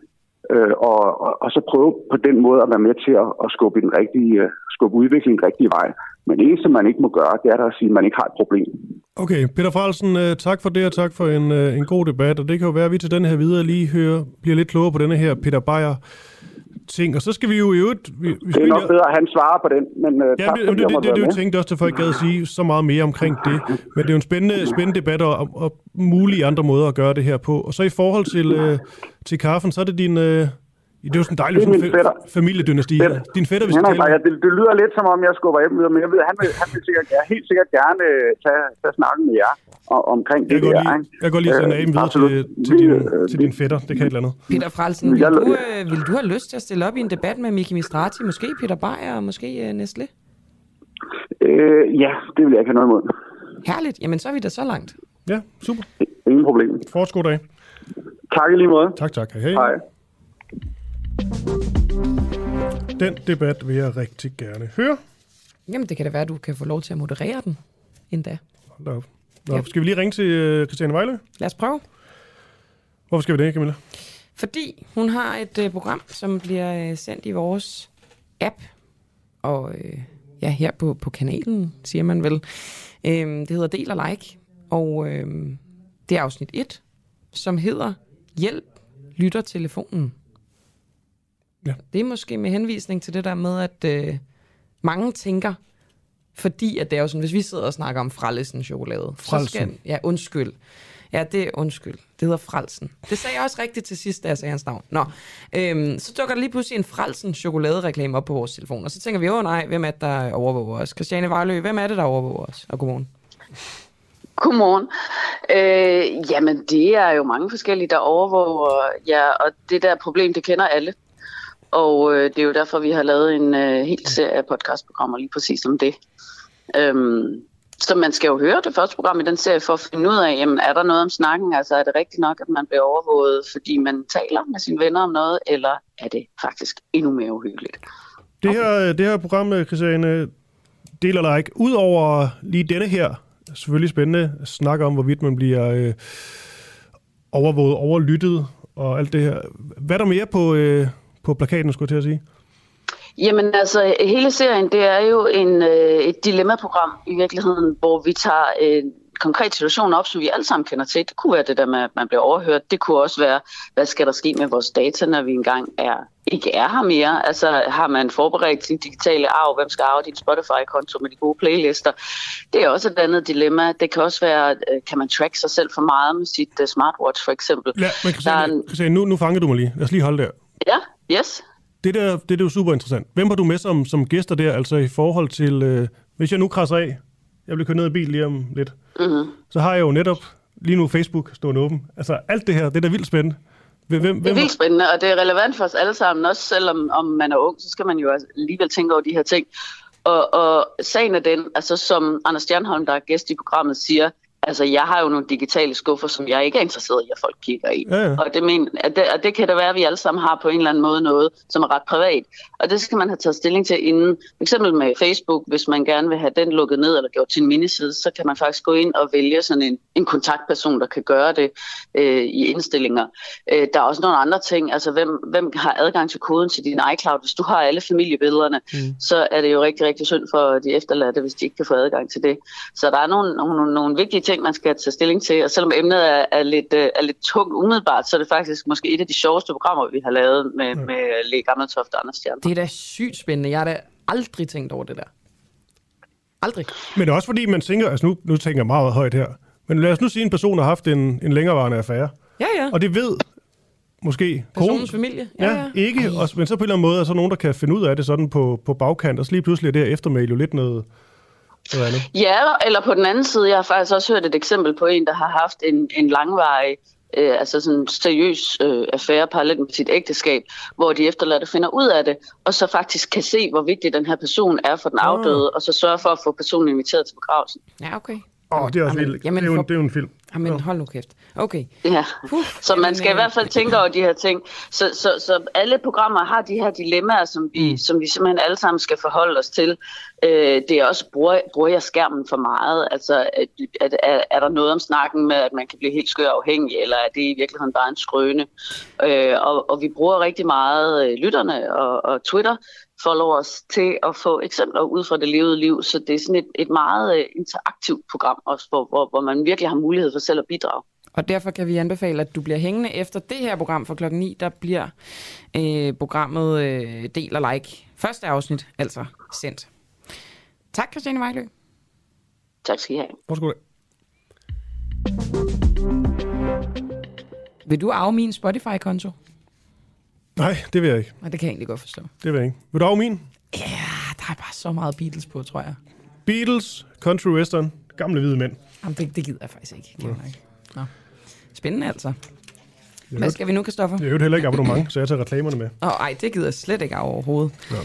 Vi skal, altså kan du huske, vi startede, det kan du nok godt, men altså vi startede programmet med, øhm, med Jens Rode, øhm, og hvorvidt det her spørgsmål om en EU, EU her, og hvad var det, han sagde? Han mener jo ligesom, at ja-siden burde være ærlig om, at det her er altså noget, man ligesom arbejder hen imod at få en EU her, er ikke sådan? Jo, først var det en, øh, en styrke på 50.000, der var i spil, og så nu er det så blevet lavet til 5.000. Og det her, det altså, er jo en glidebane ind i en øh, semantisk diskussion om, hvad er en her?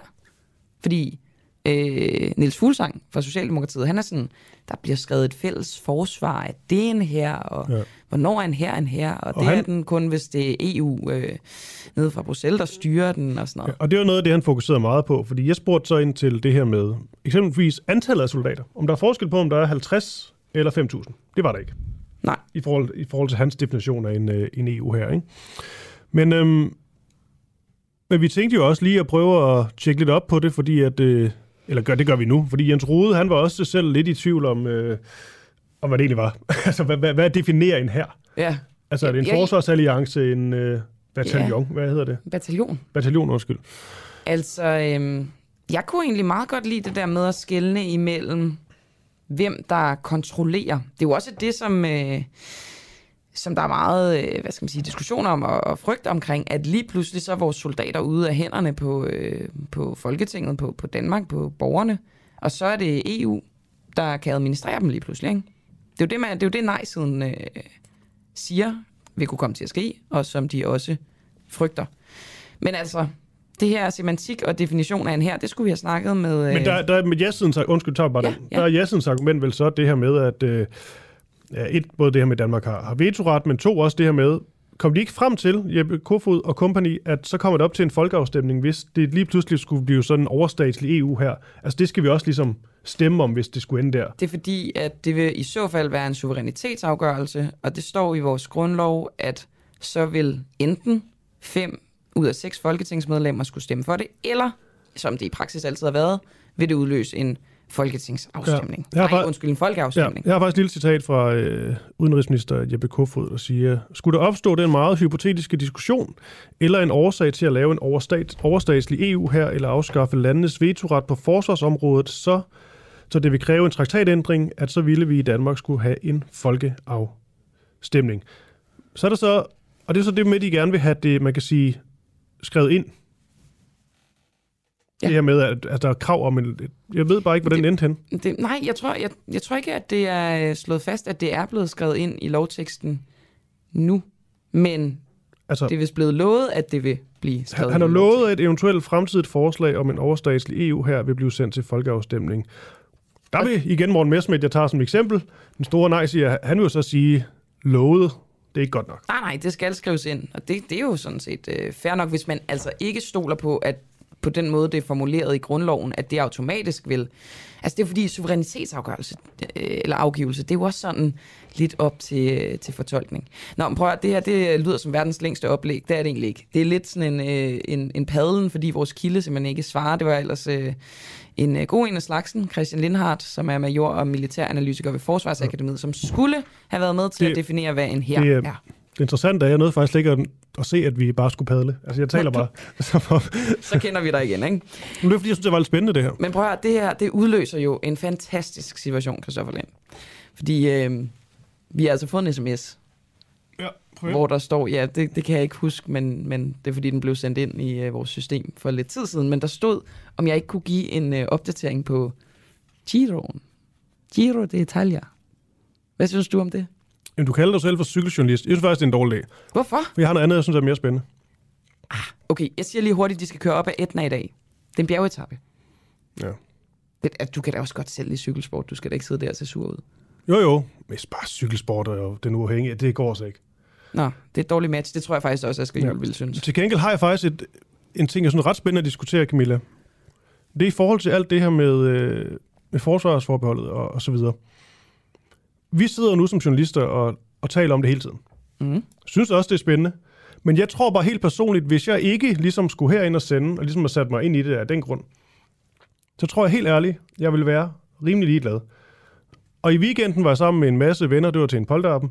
Jeg bemærkede bare, og det er altså, synes jeg da, rimelig kloge, velvidende mænd, at, at der, der var mange, der som egentlig, og vi stemte bare nej. Men der var ikke nogen, der rigtig gad diskussion, og de fleste synes egentlig også, det var sådan lidt, du ved, sådan lidt kedeligt, og man havde sådan en idé om, at fra eller til, vi har du fint nok nu, altså ja eller nej, det kommer ikke til at ændre det store. Også især fordi man ikke taler om denne her her og så videre. Så jeg sad bare og tænkte, kan jeg vide, hvor mange lytterne, der egentlig sådan oprigtigt talt går op i det Uh, det synes jeg da, I skal skrive ind. Bare skriv sådan, mig, hvis I går op i det. Ja, eller også skal måske tage den endnu videre i morgen, og så bare sådan starte med at stille spørgsmålet, hvor man sådan er helt ærlig. Øhm, lige det her spørgsmål, der er i, som medierne gerne vil tage op, og der det skal afstemmes og alt det her, er det noget, jeg egentlig sådan altså går op i? Er det noget, der sådan virkelig sætter noget i, i gang i mig? Jeg tror bare, der er mange, der har sådan en whatever. Ja, ja. Jamen, jeg forstår det godt. Fordi det lader ikke til, at sådan, de konkrete forskelle på et ja og et nej er så voldsomme. Det ved jeg godt, der er nogen, der vil være meget uenige med mig i. Men jeg mangler stadig at høre noget, noget meget konkret. Hvad er det, vi vil kunne mærke af forskellen? Jeg har i hvert fald ikke sådan en følelse af, når jeg så går op og stemmer, at øh, den stemme, jeg har lavet nu, den er altså den er vigtig, og i morgen der er det altså en, øh, en ny dag, som virkelig kommer til at være markant anderledes for mig. Ved du, hvad jeg mangler, Kristoffer? Jeg mangler stadig altså et kraftigt argument fra ja-siden, som er noget andet, end at der er krig i Ukraine, og at verden har ændret sig. Fordi det argument, det, øh, det synes jeg egentlig godt, man kan, kan gendrive rimelig nemt. Fordi forsvarssamarbejdet har ikke så meget med krigen i Ukraine at gøre. Medmindre man tænker sådan øh, træningsmissioner ved Balkan og sådan noget. Men det er jo igen, hvor stor en forskel ville det have gjort? Nej, nej, men det er jo så der, hvor øh, Ekstrabladet, vi jo talte med Knud Brix, de kører denne her nej-kampagne, og det er jo et af deres hovedargumenter, det er, at, at den eneste grund til, at man har afstemningen lige nu, det er, at der er krig, og det måske vil kunne påvirke folk til at stemme ja. Helt sikkert, men måske skal vi gå målrettet efter og ligesom pille det argument fra hinanden, og så være rigtig nysgerrig på, hvad, hvad er de andre gode argumenter, ud over krig i Ukraine? Der må, der må ligge nogen, og ud over sådan noget, vi kan sidde med ved bordet, må blive rigtig konkrete. Hvad er det, vi får? Det synes jeg godt, vi kan jagte. Ja, vi får i hvert fald, vi ved, hvad vi ikke får. Det er en EU her, ifølge jer siden. Det er rigtigt. Og det er jo også en lidt svagt selling point. Det kan man sige. Vi lover, at det her får vi ikke. Vi fortsætter i samme spor. Ja. Med Sedal Benil, som er folketingskandidat for SF i Gladsaxe Kommune og omegn. Og vi, spiller, øh, vi stiller det samme spørgsmål til Sedal, om øh, Danmark forpligter sig, med i, øh, forpligter sig til at være med i en EU her, hvis vi stemmer ja. Et ja til afskaffelsen af forsvarsforbeholdet peger mod en europæisk her, sagde Jens Rode til øh, Asger Jul her i den uafhængige i går. Altså Jens Rode, som er øh, tidligere europaparlamentariker og nuværende folketingsmedlem for kristendemokraterne. Og øh, Sedal øh, er et af formålene med det europæiske forsvarssamarbejde at have fælles indsatsstyrker og bataljoner. Og godmorgen. Nej, det er i hvert fald ikke det, der er godmorgen. Øh, det er ikke det, der er udgangspunktet for, for, for, for SF. Øh, og det er sådan set heller ikke det, der øh, er lagt op til, og det er heller ikke det, der bliver konsekvensen af, at de er. Øh, I så fald, vi skulle have en EU her og aktivt blive en del af en EU her, så vil det jo kræve for det første en traktatændring, og så vil det kræve en, en folkeafstemning i Danmark. Så, så, så det er ikke det, der taler om.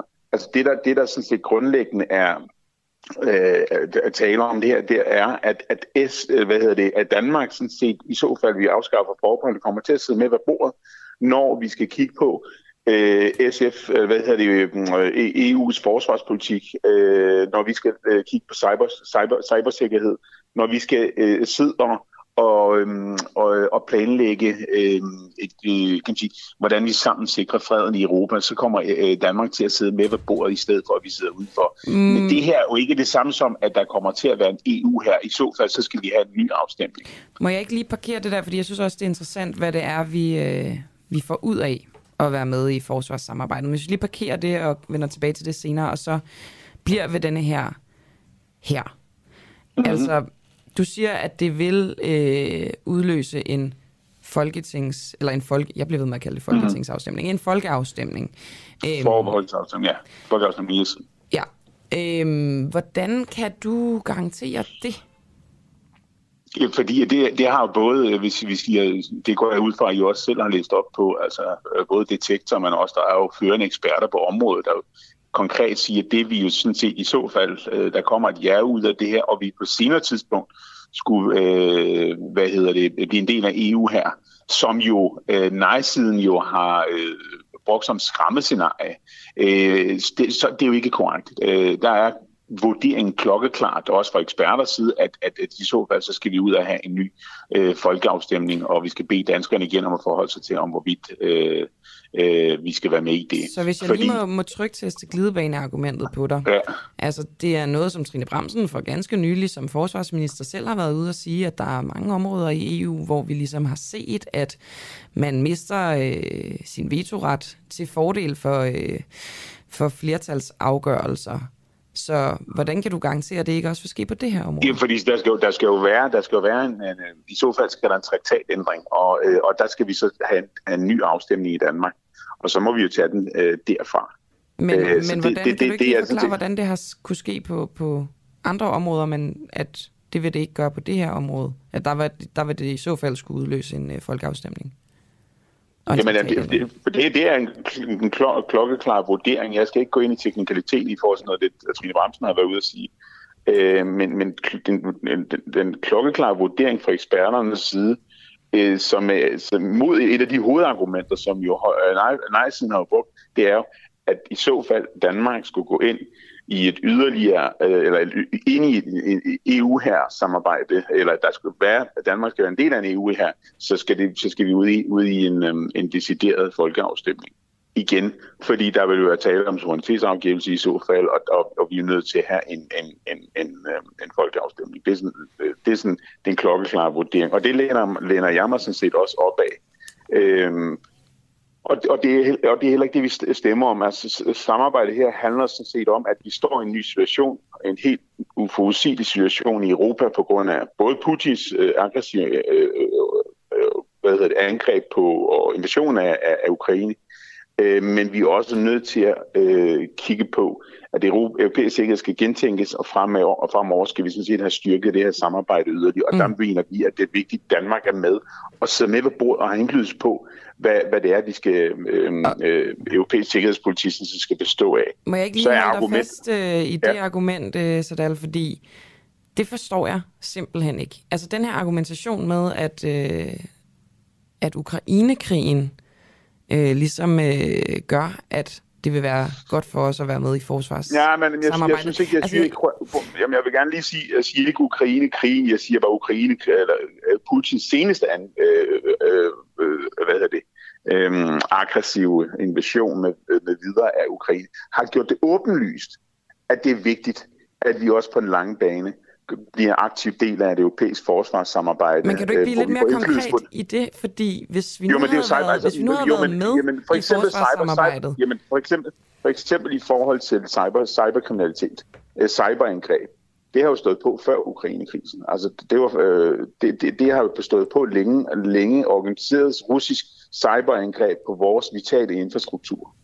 Og der er det vigtigt, at vi med og en del af EU fordi at vi derved kan sikre øh, øh, indflydelse på den, den, kan man sige, de, de rammer og den politik, der skal føres i forhold til at sikre vores for eksempel infrastruktur, sikkerhed, vores industri, øh, infrastruktur i, i industrien, i, i en, energipolitik. Alle de her ting hænger jo et eller andet sted sammen, og derfor mener vi, at det, at vi går ind i forhold til forsvarsforbehold og bliver en del af, af det europæiske samarbejde, aktiv del af det europæiske samarbejde, så sikrer vi jo indflydelse på, også i hvilken retning vi gerne vil have det som, som, som, som, som nation. Og det giver jo fin mening, men du siger det jo selv.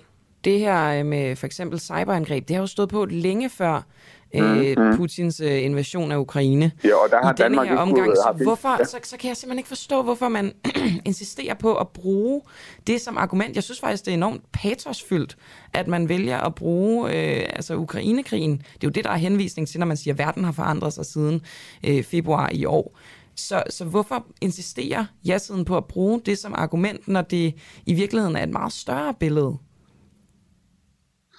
Ja, fordi, jamen altså, fordi det er jo, det er jo, det er jo et af de, det er jo, det er jo, det er jo en reel trussel, øh, og det er jo en reel udfordring, som, som både Danmark og EU står overfor. Og derfor mener vi, at det her er jo et af de områder, hvor et, for, øh, øh, et fremtidigt EU-forsvarssamarbejde skal bestå i, hvor vi for netop kan få styrket vores, vores forsvar øh, mod, mod cyberkriminalitet og mod cyberangreb, øh, også øh, orkestreret af, af, af, øh, af russisk imperialisme, som, som det er jo tilfældet her til, øh, som, som vi har været vidne til over, over en længere, længere, længere årrække. Øh, så så, så jeg, jeg synes ikke, jeg synes ikke at, at, at øh, det argument øh, er øh, så, øh, øh, så svagt, som, som, som du lægger op til der. Det Jeg er en reel trussel, og derfor skal vi adressere det her. Jeg lovede dig, at, øh, at I lige skulle komme ind på, hvad det helt konkret ville betyde for os at sidde med ved bordet. Så det sidste minut kan måske gå til det. Altså, jeg er ret interesseret i at høre, hvad det er, vi helt konkret får af at være med i EU's øh, forsvarssamarbejde. Så kan du ikke lige på et lille minut fortælle det? Jo, men for det første handler det jo sådan set om, at, at vi skal være med til, at EU får et fælles fodslag i nogle af de her sikkerhedspolitiske øh, diskussioner, der er. Det kan jo både være truslen fra, fra, fra, fra, Europa, eller hvad fra Rusland hedder det. Det kan være i forhold til cybersikkerhed. Vi har, øh, Hvad er et fælles fodslag? Jamen det er, at vi får en fælles politik og en fælles forståelse for, øh, for, for, øh, for, øh, for, øh, for øh, den, øh, øh, en, en, en, en, kan sige, en, en, vores forsvarspolitik og sikkerhedspolitik. Det vi så for eksempel ved konflikten i Syrien, det var jo, at, at vi havde en meget splittet EU, hvor franskmændene jo kørte lidt deres egen dagsorden, øh, og, og tyskerne havde deres egen. Øh, og, og, og, det, og, og det, det var med til at udstille og svække europæisk øh, handlekraft, også i forhold til at skulle være for eksempel fredsbevarende, eller sikre vores egen fred i det her tilfælde, eller sikre, at, at, at, at vi kan mod, øh, modstå øh, cyberangreb med videre. Så, så på den måde tror jeg, at, at det, at vi er en del af, at vi gør op med forbeholdet, gør jo også, at vi sidder med, med ved forhandlingsbordet og får indflydelse på, hvad det er, der skal være europæisk forsvarssamarbejde, både på den korte og den lange bane. Er det Fordi noget, er de der danske borgere har direkte indflydelse på egentlig?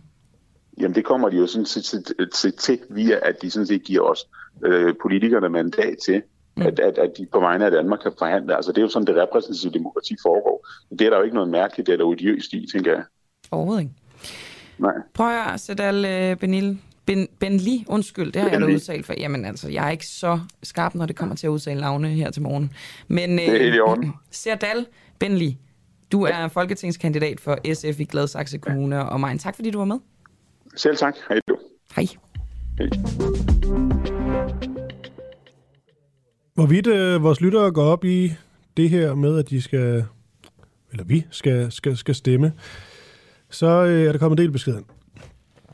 Jeg går op i det. Forbeholdet skal slettes. USA får i de kommende år Taiwan og Kina og Sydøstasien at beskæftige sig med og vil helt sikkert forlange, at EU selv sørger for sin sikkerhed. Så er der en, der skriver, ja, jeg går op i det. Det er ikke ligegyldigt diskutere eventuelt om stærk EU på forsvarsområdet området, undskyld, vil betyde mindre afhængighed af USA. Og så en, der skriver, der er ingen bindende forpligtelser for, at for eksempel Frankrig kommer Finland til undsætning. Og det er længere ind. Men det virker i hvert fald til, at... Øh, Undskyld, jeg bare kottede den besked, men det var fordi, det var jo nok også et øh, sådan debatspørgsmål, den gæst, vi lige havde med. Men det virker bare til, at der ligesom er, øh, i hvert fald dem, der skriver ind, at det er folk, som faktisk øh, går op i det her og synes, det er spændende at diskutere, og føler også, det har noget, noget betydning med. Jeg tror måske, vi tager spørgsmålet med videre i, øh, i morgen, for jeg har så lidt en idé om, at størstedelen af dansken dybest set er lidt ligeglad. Jeg har sådan en fornemmelse af, at folk gerne vil men ikke kan overskue det. Overskue og forstå det, og dermed tage stilling. Ja, nej, men jeg tror egentlig også bare, det er mere sådan, selv hvis du forstår det, så tror jeg måske mere, der er sådan en, måske en idé om, at så stor betydning har det bare heller ikke. Mm. Jeg synes at vi fik lidt, øh, lidt på bordet her med Sedal Benli fra SF. Noget med øh, at kunne have indflydelse på, for eksempel, hvordan vi skal tilgå øh, cyberangreb. Det er jo fremtidens krig, så. Ja, ja, okay, jeg kan mærke, at den, den, den køber du overhovedet ikke. Nej, slet. Så lad os da gå videre. Ja. Er Fairtrade-mærket, altså det her fine lille mærke, man kan få på produkter, er det øh, garanti for gode arbejdsforhold? I det her tilfælde for kaffe- og kakaobønner, det er et øh, spørgsmål, vi stiller her til morgen. Fordi dokumentarist Mikkel Mistrati, han fremviser i sin film Sandheden om din kaffe, at verdens store kaffeproducenter simpelthen ikke har styr på, hvor deres kaffebønner de kommer fra, og at øh, der bliver brugt børnearbejder i, øh, i produktionen. Så egentlig meget det samme, øh, den samme problematik, som vi har, når det kommer til øh, chokolade. Det er også som om det hele hænger ret meget øh, sammen. Men som vi også talte om, vi talte med, var det, øh, var det Fairtrade i forhold til, øh, til de her markader på chokolader. Der sagde Fairtrade Danmark jo til os, at det er ikke en garanti for, at der ikke har været øh, børnearbejdere indover. Mm. Hvilket jeg stadigvæk synes er ret vildt. Ja, det er. Man kan køber en chokolade med sådan en fin Fairtrade-mærke, ja. så kan det vidderligt være kakao-smør, ja, og, der er lavet af 12-årige, der står inde på en mark og ikke går i skole. Og forbrugerombudsmanden sagde, det ifølge reglerne, det er fint. Ja. Jeg ville ellers tro, det var en form for vildledning af forbrugeren, men altså... Ja, jeg synes jo stadigvæk, vi skal lave sådan en lille reportage, hvor vi går ned i et supermarked og bare lige spørger folk, der vil købe noget chokolade, om det her fair trade-mærke, om, det, om de godt kunne forestille sig, at de køber noget med det her fine mærke, som er lavet af børnearbejder. Det er reporter Christian Henriksen, du skal skubbe ned i et supermarked. Det skal jeg nok. Nu skal vi tale med Christian Slot fra Responsible Source Program. Han er Responsible Source Program Manager, undskyld, i Preferred by, by Nature. Godmorgen, Christian Slot. Ja, godmorgen. Ja, det var en lang engelsk titel, jeg skulle læse op der. Det var derfor, jeg først troede, det var en eller anden. Ja, det, det er meget mundret. ja. Vil du ikke lige forklare os og lytterne, hvad Fairtrade egentlig er en garanti for? Jo, jeg vil godt lige øh, understrege først, at jeg synes, at jeg vil helst ikke udtale mig specifikt om Fairtrade som system, men øh, jeg vil heller lige udtale mig om sådan som certificeringssystemer fungerer, og det gælder også Fairtrade øh, mere generelt. Øh. Det er modtaget. Hvad kan du så sige der? Jamen altså, jeg vil egentlig give dem ret i, at øh, give Fairtrade ret i, at øh, når de siger, at det, det er ikke nødvendigvis en garanti for, at der ingen fejl er, eller ingen øh, overtrædelser er af de regler, de har i deres system, øh, selvom noget er Fairtrade øh, øh, mærket. Og det er sådan set indbygget i mange af de certificeringssystemer, vi har. Øh, det er ikke en det kan ikke være en garanti for, at der aldrig sker problemer. Du kan sammenligne det lidt med, at folk har et kørekort, det vil sige, hvis det er dem, der har et kørekort til at køre bil, det er de certificerede organisationer, og så har du politiet, som er certificeringsorganisationerne. Mm. De kan jo ikke, du kan ikke garantere, at der aldrig er nogen, der overtræder færdselsloven, selvom de har et kørekort, og selvom politiet øh, kontrollerer, hvordan bilisterne kører. Så det er lidt samme system. Øhm, det du kan så, så kan sige er, om de systemer, øh, certificeringssystemerne oversælger sig selv, øh, når de går ud og reklamerer for, hvorfor man skal købe deres øh, labels. Ja. Hvad kunne man... Øh... Jeg ved, at du før har, har talt om sådan et uh, sporbarhedssystem, uh, som måske kunne være, være vejen frem, også i forhold til måske uh, de her mærkater, som rent faktisk ved, hvor produkterne de kommer fra. Hvad er det her sporbarhedssystem, du har talt om? Ja, altså det, som øh, mange øh, certificeringsorganisationer gør, øh, og det er blandt også Fairtrade, det er jo, at de bruger noget, der hedder mass balance øh, til deres sporbarhed. Det vil sige, i princippet, når du køber noget, som er certificeret, så kan det godt indeholde ikke certificerede produkter, øh, fordi at de materialer, man har, som er certificeret, bliver blandet under produktionen af det endelige produkt. Det vil sige, men de virksomheder, der så har et certifikat, de kan kun sælge en vis mængde af det øh, øh, materiale, de har, der svarer til det, der er produceret som certificeret. Men der kan så godt være noget ikke certificeret materiale i det. det er sådan den gammeldags, eller kan man sige, den traditionelle måde at håndtere sporbarhed i leverandørkæder på.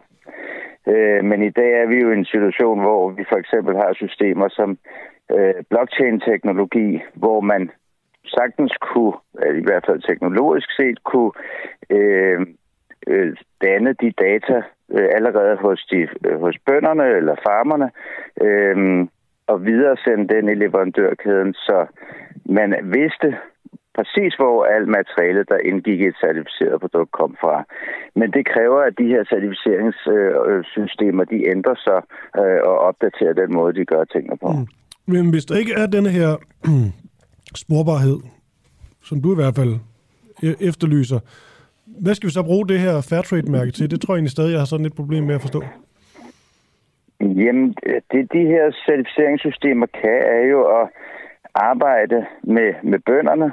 Øhm, de er jo certificeret, der er jo en masse certificerede bønder, øh, både i Fairtrade og også de andre certificeringssystemer, som ændrer den måde og forbedrer den måde, de arbejder på.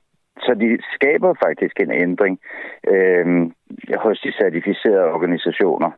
Øh, problemet er, at det tit bliver opfattet som den her 100% garanti for, at der aldrig øh, er nogen, der overtræder de regler, der er. Og det, det kan man jo ikke give, og så det, kan det godt være nemt for øh, for pressen for eksempel at gå ud og sige, se her, her er nogle problemer. Hele det her system fungerer overhovedet ikke. Øhm, så det er sådan lidt at sætte den på spidsen jo, men man kan sige, at de skaber faktisk ændringer. Øhm, men ja. det kan godt være, at der også er problemer, som man kan sætte lys på. Det kan man selvfølgelig. Øhm, men jeg synes stadig, de laver ændringer. Det er så fri, af frivillighedens vej. Det er jo ikke øh, lovændringer. Men de virksomheder, der vil ændre den måde, de gør tingene på, de kan så gøre det gennem de her frivillige certificeringsordninger. Okay, nu er vi også ude og kritisere Fairtrade-mærket her til, til dels i hvert fald, men det er jo så også, som du siger, at, øh, at det er jo nok bedre end, øh, end ingenting, og øh, alt her i verden er langt fra, øh, fra perfekt. Er det ikke nærmest det, vi lander? Jo, lige præcis. Der er jo ikke noget, der er perfekt.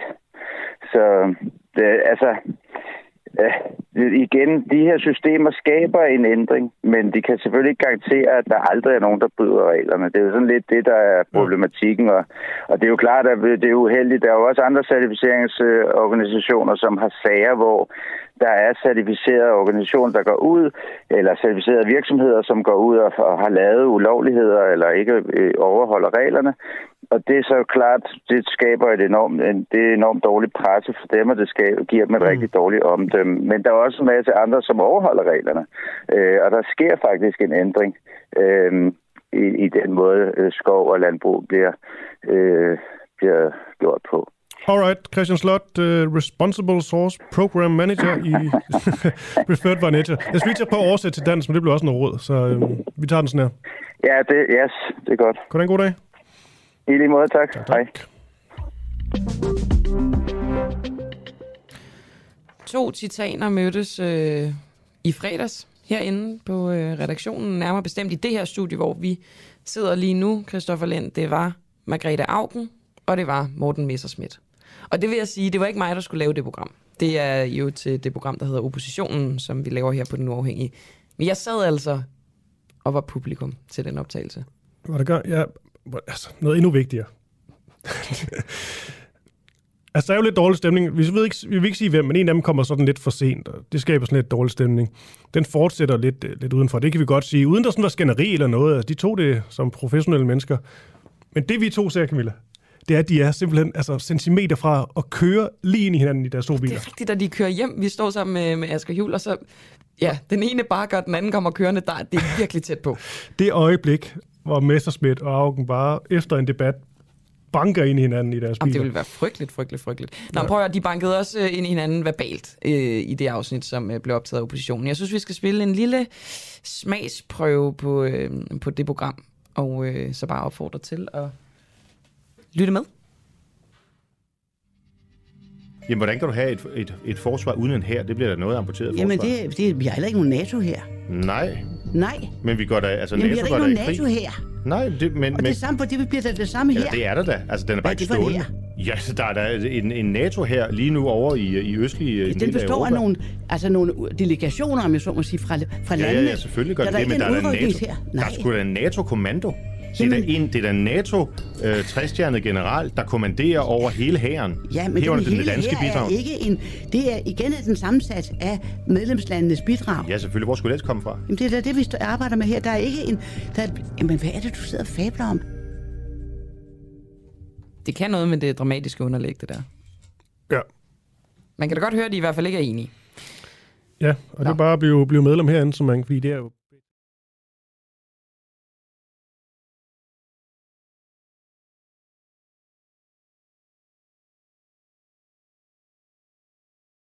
Nå, den sidste, det sidste indslag, øh, der stiller vi spørgsmålet, om Ukraine også har et ansvar for krigen. Det er jo sådan lidt forbudt spørgsmål, kan man sige. Jeg læser lige et citat højt. Det er øjensynligt, at Rusland har invaderet et andet land. Men jeg tror også, at man er nødt til at se sammenhæng i det. Krig er ikke altid et spørgsmål om, hvem der smider den første bombe eller sender den første soldat. Det har du, Emil øh, Olsen, formand for Muresvendene i Nordjylland og tidligere formand for 3F Ungdom, skrevet øh, til mediet Pio Pio. Var Putin nødt til at invadere Ukraine? Og godmorgen. Ja, jeg ved ikke, om man kan sige, om man er nødt til at invadere Ukraine, men jeg tror, man er sådan lidt nødt til at holde fast i nuancerne og, hvad skal man sige, sammenhængen i det her. Øhm, Jeg synes lidt, det bliver for enøjet, hvis ikke man sådan ser på den, nu skal man sige, sidste 20-30 års ekspansionspolitik fra, hvad skal man sige, NATO og Vesten. Øh, men jeg tror, ikke- jeg tror ikke, det her med at kigge på Ukraine-konflikten som sådan en isoleret konflikt, det, det tror jeg, så går man galt i byen. Men kunne man ikke sige, at det skulle man lige ind til den dag, hvor at et land invadere et andet land, og så er der måske ikke så meget at diskutere der? Ja, men det er jo et helt legitimt uh, synspunkt, men øh, altså, uh, så jeg, jeg oplever bare, at, uh, at, uh, at dem, der ligesom indtræder det synspunkt der, de har jo været side i en konflikt, og, og, og jeg synes jo sådan set, at der er rimelig belæg og beviser for, at der har været interesser uh, i Ukraine uh, helt tilbage fra 2014, øh, som har været med til sådan at, at spytte lidt til den her øh, antirussiske øh, tilgang i Ukraine, og, og det har så op, ophedet, ophedet kris, eller hvad hedder det, krigen til, at, at Rusland de så må gøre det, som de gør. Men det er jo ikke en legitim forsvar for, for Ruslands øh, modbydelige, øh, hvad skal man sige, krig som, eller invasion. Men jeg, jeg, synes, jeg, synes, jeg synes bare, man må holde fast i, at, øh, at, at, at, at det er lidt mere nuanceret, og, og, og man er nødt til at se sammenhængen. Jeg synes jo egentlig, det mest interessante i hele den her snak, det er, hvordan sådan en ytring bliver, bliver modtaget. Det er det er så en kommentar til, til Pio Pio, socialdemokratiske medie. Jeg vil gerne høre, hvordan folk de tog, øh, de tog imod det. Ja, men altså, jeg holdt jo en tale der 4. maj inde i København, og øh, jeg må sige, at øh, der blev det taget rigtig godt imod. Og hvad med på internettet? Der er der jo tit øh, lidt øh, anden stemning. Ja. Hvordan er Jamen, det øh, blevet taget imod af, af, for eksempel på Facebook? Jeg går ud fra, at det er blevet lagt på Facebook, noget af det her. Ja, jamen der oplever jeg jo, der oplever jeg jo to situationer. Der er jo dem, der, der er enige med, enige med mig, og så er der jo dem, der er enige med, med, med netmediet Piu Piu. Mm.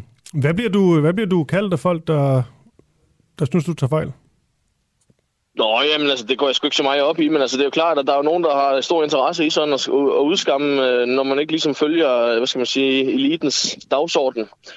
Øhm, og det er jo bare, hvad skal man sige, det er, jo- det er jo bare nogle slag, man må tage med. Øhm, og når man har nogle holdninger, så må man jo stå på mål for dem. Øh, Men jeg er ganske bevidst om, at øh, det, problemet er jo, at dem, der har en interesse i at, at udskamme dem, som øh, prøver at, at se sammenhængende, det er jo fordi, de ikke ønsker, at nogen skal se sammenhængende, fordi man jo har taget øh, side i en konflikt. Ja, ja. Øhm, vil jeg kunne få dig til at sige, at du er enig i det her udsagn? At det er Putin, og kun Putin, der er skyld i krigen? Nej, det vil du ikke øh, få mig til at sige. Jeg vil sige, at Putin han er medskyldig, men der er også en, øh, en hel del øh, øh vestlige interesser i Ukraine, der har gjort alt, hvad de kunne for at, at eskalere til den her uretfærdige krig. Har han øh, den største del af ansvaret for krigen i Ukraine? Jamen, jeg, vil ikke, jeg ved ikke, om man sådan kan måle det op i et, øh, i et målebager, hvem der... Altså, men det, det handler om her, det er jo, at, øh, at der er nogen, der har store økonomiske interesser i, øh, i det europæiske marked af, af ressourcer. Og det er dem, jeg tror, jeg fik engang fortalt, at i sådan nogle ting her, der, er det vigtigt at følge pengene. Så finder du ud af, hvem der har ansvaret. Og jeg, jeg tror, at hvis man, hvis man sådan, hvad skal man sige, øh, hvis der er nogen, der som prøver at sætte lidt lup på, hvad øh, Hunter Biden for eksempel, øh, øh, Joe Bidens øh, søn, hvad han, øh, hvad han beskæftiger sig med, øh, så kunne det jo godt være, at man fik lidt mere nuanceret forhold til, til hvad der sker. Jeg synes egentlig, det er interessant det med, at du bliver kaldt for af nogen en verdensfjern tåbe. Og jeg synes bare, ja. hele den her debat er blevet ret vild. Også fordi ja. det, du, du, kan jo, du formulerer dig jo klart og, og skarpt, og du siger, at krig ikke altid er et spørgsmål om, hvem der smider den første bombe. Så kan man være enig eller uenig, men det er da ikke det mest vanvittige statement, jeg har hørt, hvis man bare ser lidt på, på historien.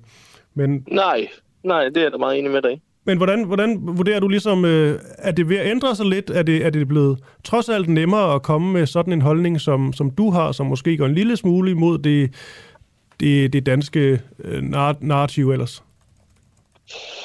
Ja, yeah, altså... Det er jo klart, at øh, lige i starten der, der var der mange følelser i spil, ikke? og der var folk nok lidt nervøs for at, at, at være på den ene eller på den anden, eller, eller i det hele taget bare forholde sig neutralt, øh, eller hvad hedder det, kritisk til alle, alle krige. Ikke? Øh, men det er som om, at jo mere øh, der kommer frem, du ved ikke, og jo mere folk bliver oplyst, og jo mere man kan læse om situationen, så er det jo klart, at, at, øh, at så bliver der plads til, at, øh, hvad hedder det, at, at situationen den er ikke måske så enøjet, som, øh, som der er nogen, der, der forsøger at, at give udtryk for. Alright, Emil Olsen, formand for Mursvend i Nordjylland og tidligere formand for 3F øh, Ungdom. Nu fik du lige givet dit øh, besøg med her i hvert fald, og så en god dag til dig. Ja, tak lige måde. Tak for det. Hej. Må jeg godt lige afslutte dagens program med noget mere EU? Ja, ja. Jeg synes ellers, det her det er utrolig interessant. Men den kan vi tage videre i morgen. Ja. Prøv, jeg synes, det er lidt spændende, at formand for EU-kommissionen, Men du, Ursula du synes også, at EU er vildt spændende. Ja, det gør jeg. Det gør jeg. Det er vel også fair nok. Kom med det. Øhm, Ursula von der Leyen og formanden for EU-parlamentet, Roberta Metsola, de i gang sat i går en debat om, hvorvidt man skulle gå over til øh, kvalificerede øh, flertalsafgørelser i stedet for enstemmighed på forsvarsområdet. Ikke? Mm. Og det er jo bare vand på nej-siernes mølle, ikke? Jo.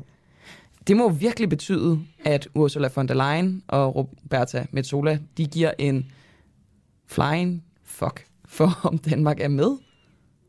Ja, ja, og det betyder også, at det bliver nej. Jamen, er det ikke rigtigt? Altså, de, de må da ikke vide, at vi er øh, tæt på en, altså på at skulle stemme. Så at de i gang sætter den her debat lige nu, det må da også betyde, at de er fuldstændig ligeglade med Danmark i den sammenhæng. Ved du, hvor små vi er? ved du, hvem vi er? Jamen, jeg, tror, jeg tror det ikke, at de ved, at vi, er, vi skal stemme. Jamen, Går de op jamen, i det? Jamen, det, det, er jo, jamen, det ved jeg ikke. Det må de jo øh, være fuldstændig ligeglade med. Det kan, være, jamen, det kan godt være, at de ikke ved det. I don't know. Jeg synes bare, det er en, øh, en, en spøjs timing i forhold til, at de må vel øh, ønske, at vi smider det forbehold. Nå. Ja. Camilla Borghi. Christoffer Lind. Det var det for denne morgen. Barry Vessel, han var i øh, teknikken og udsendelsen sammen med Peter Svarts. Peter Svarts. Vi har mange ting, vi skal følge op på i morgen, så lyt med fra klokken, øh, klokken 7, og God tirsdag derude.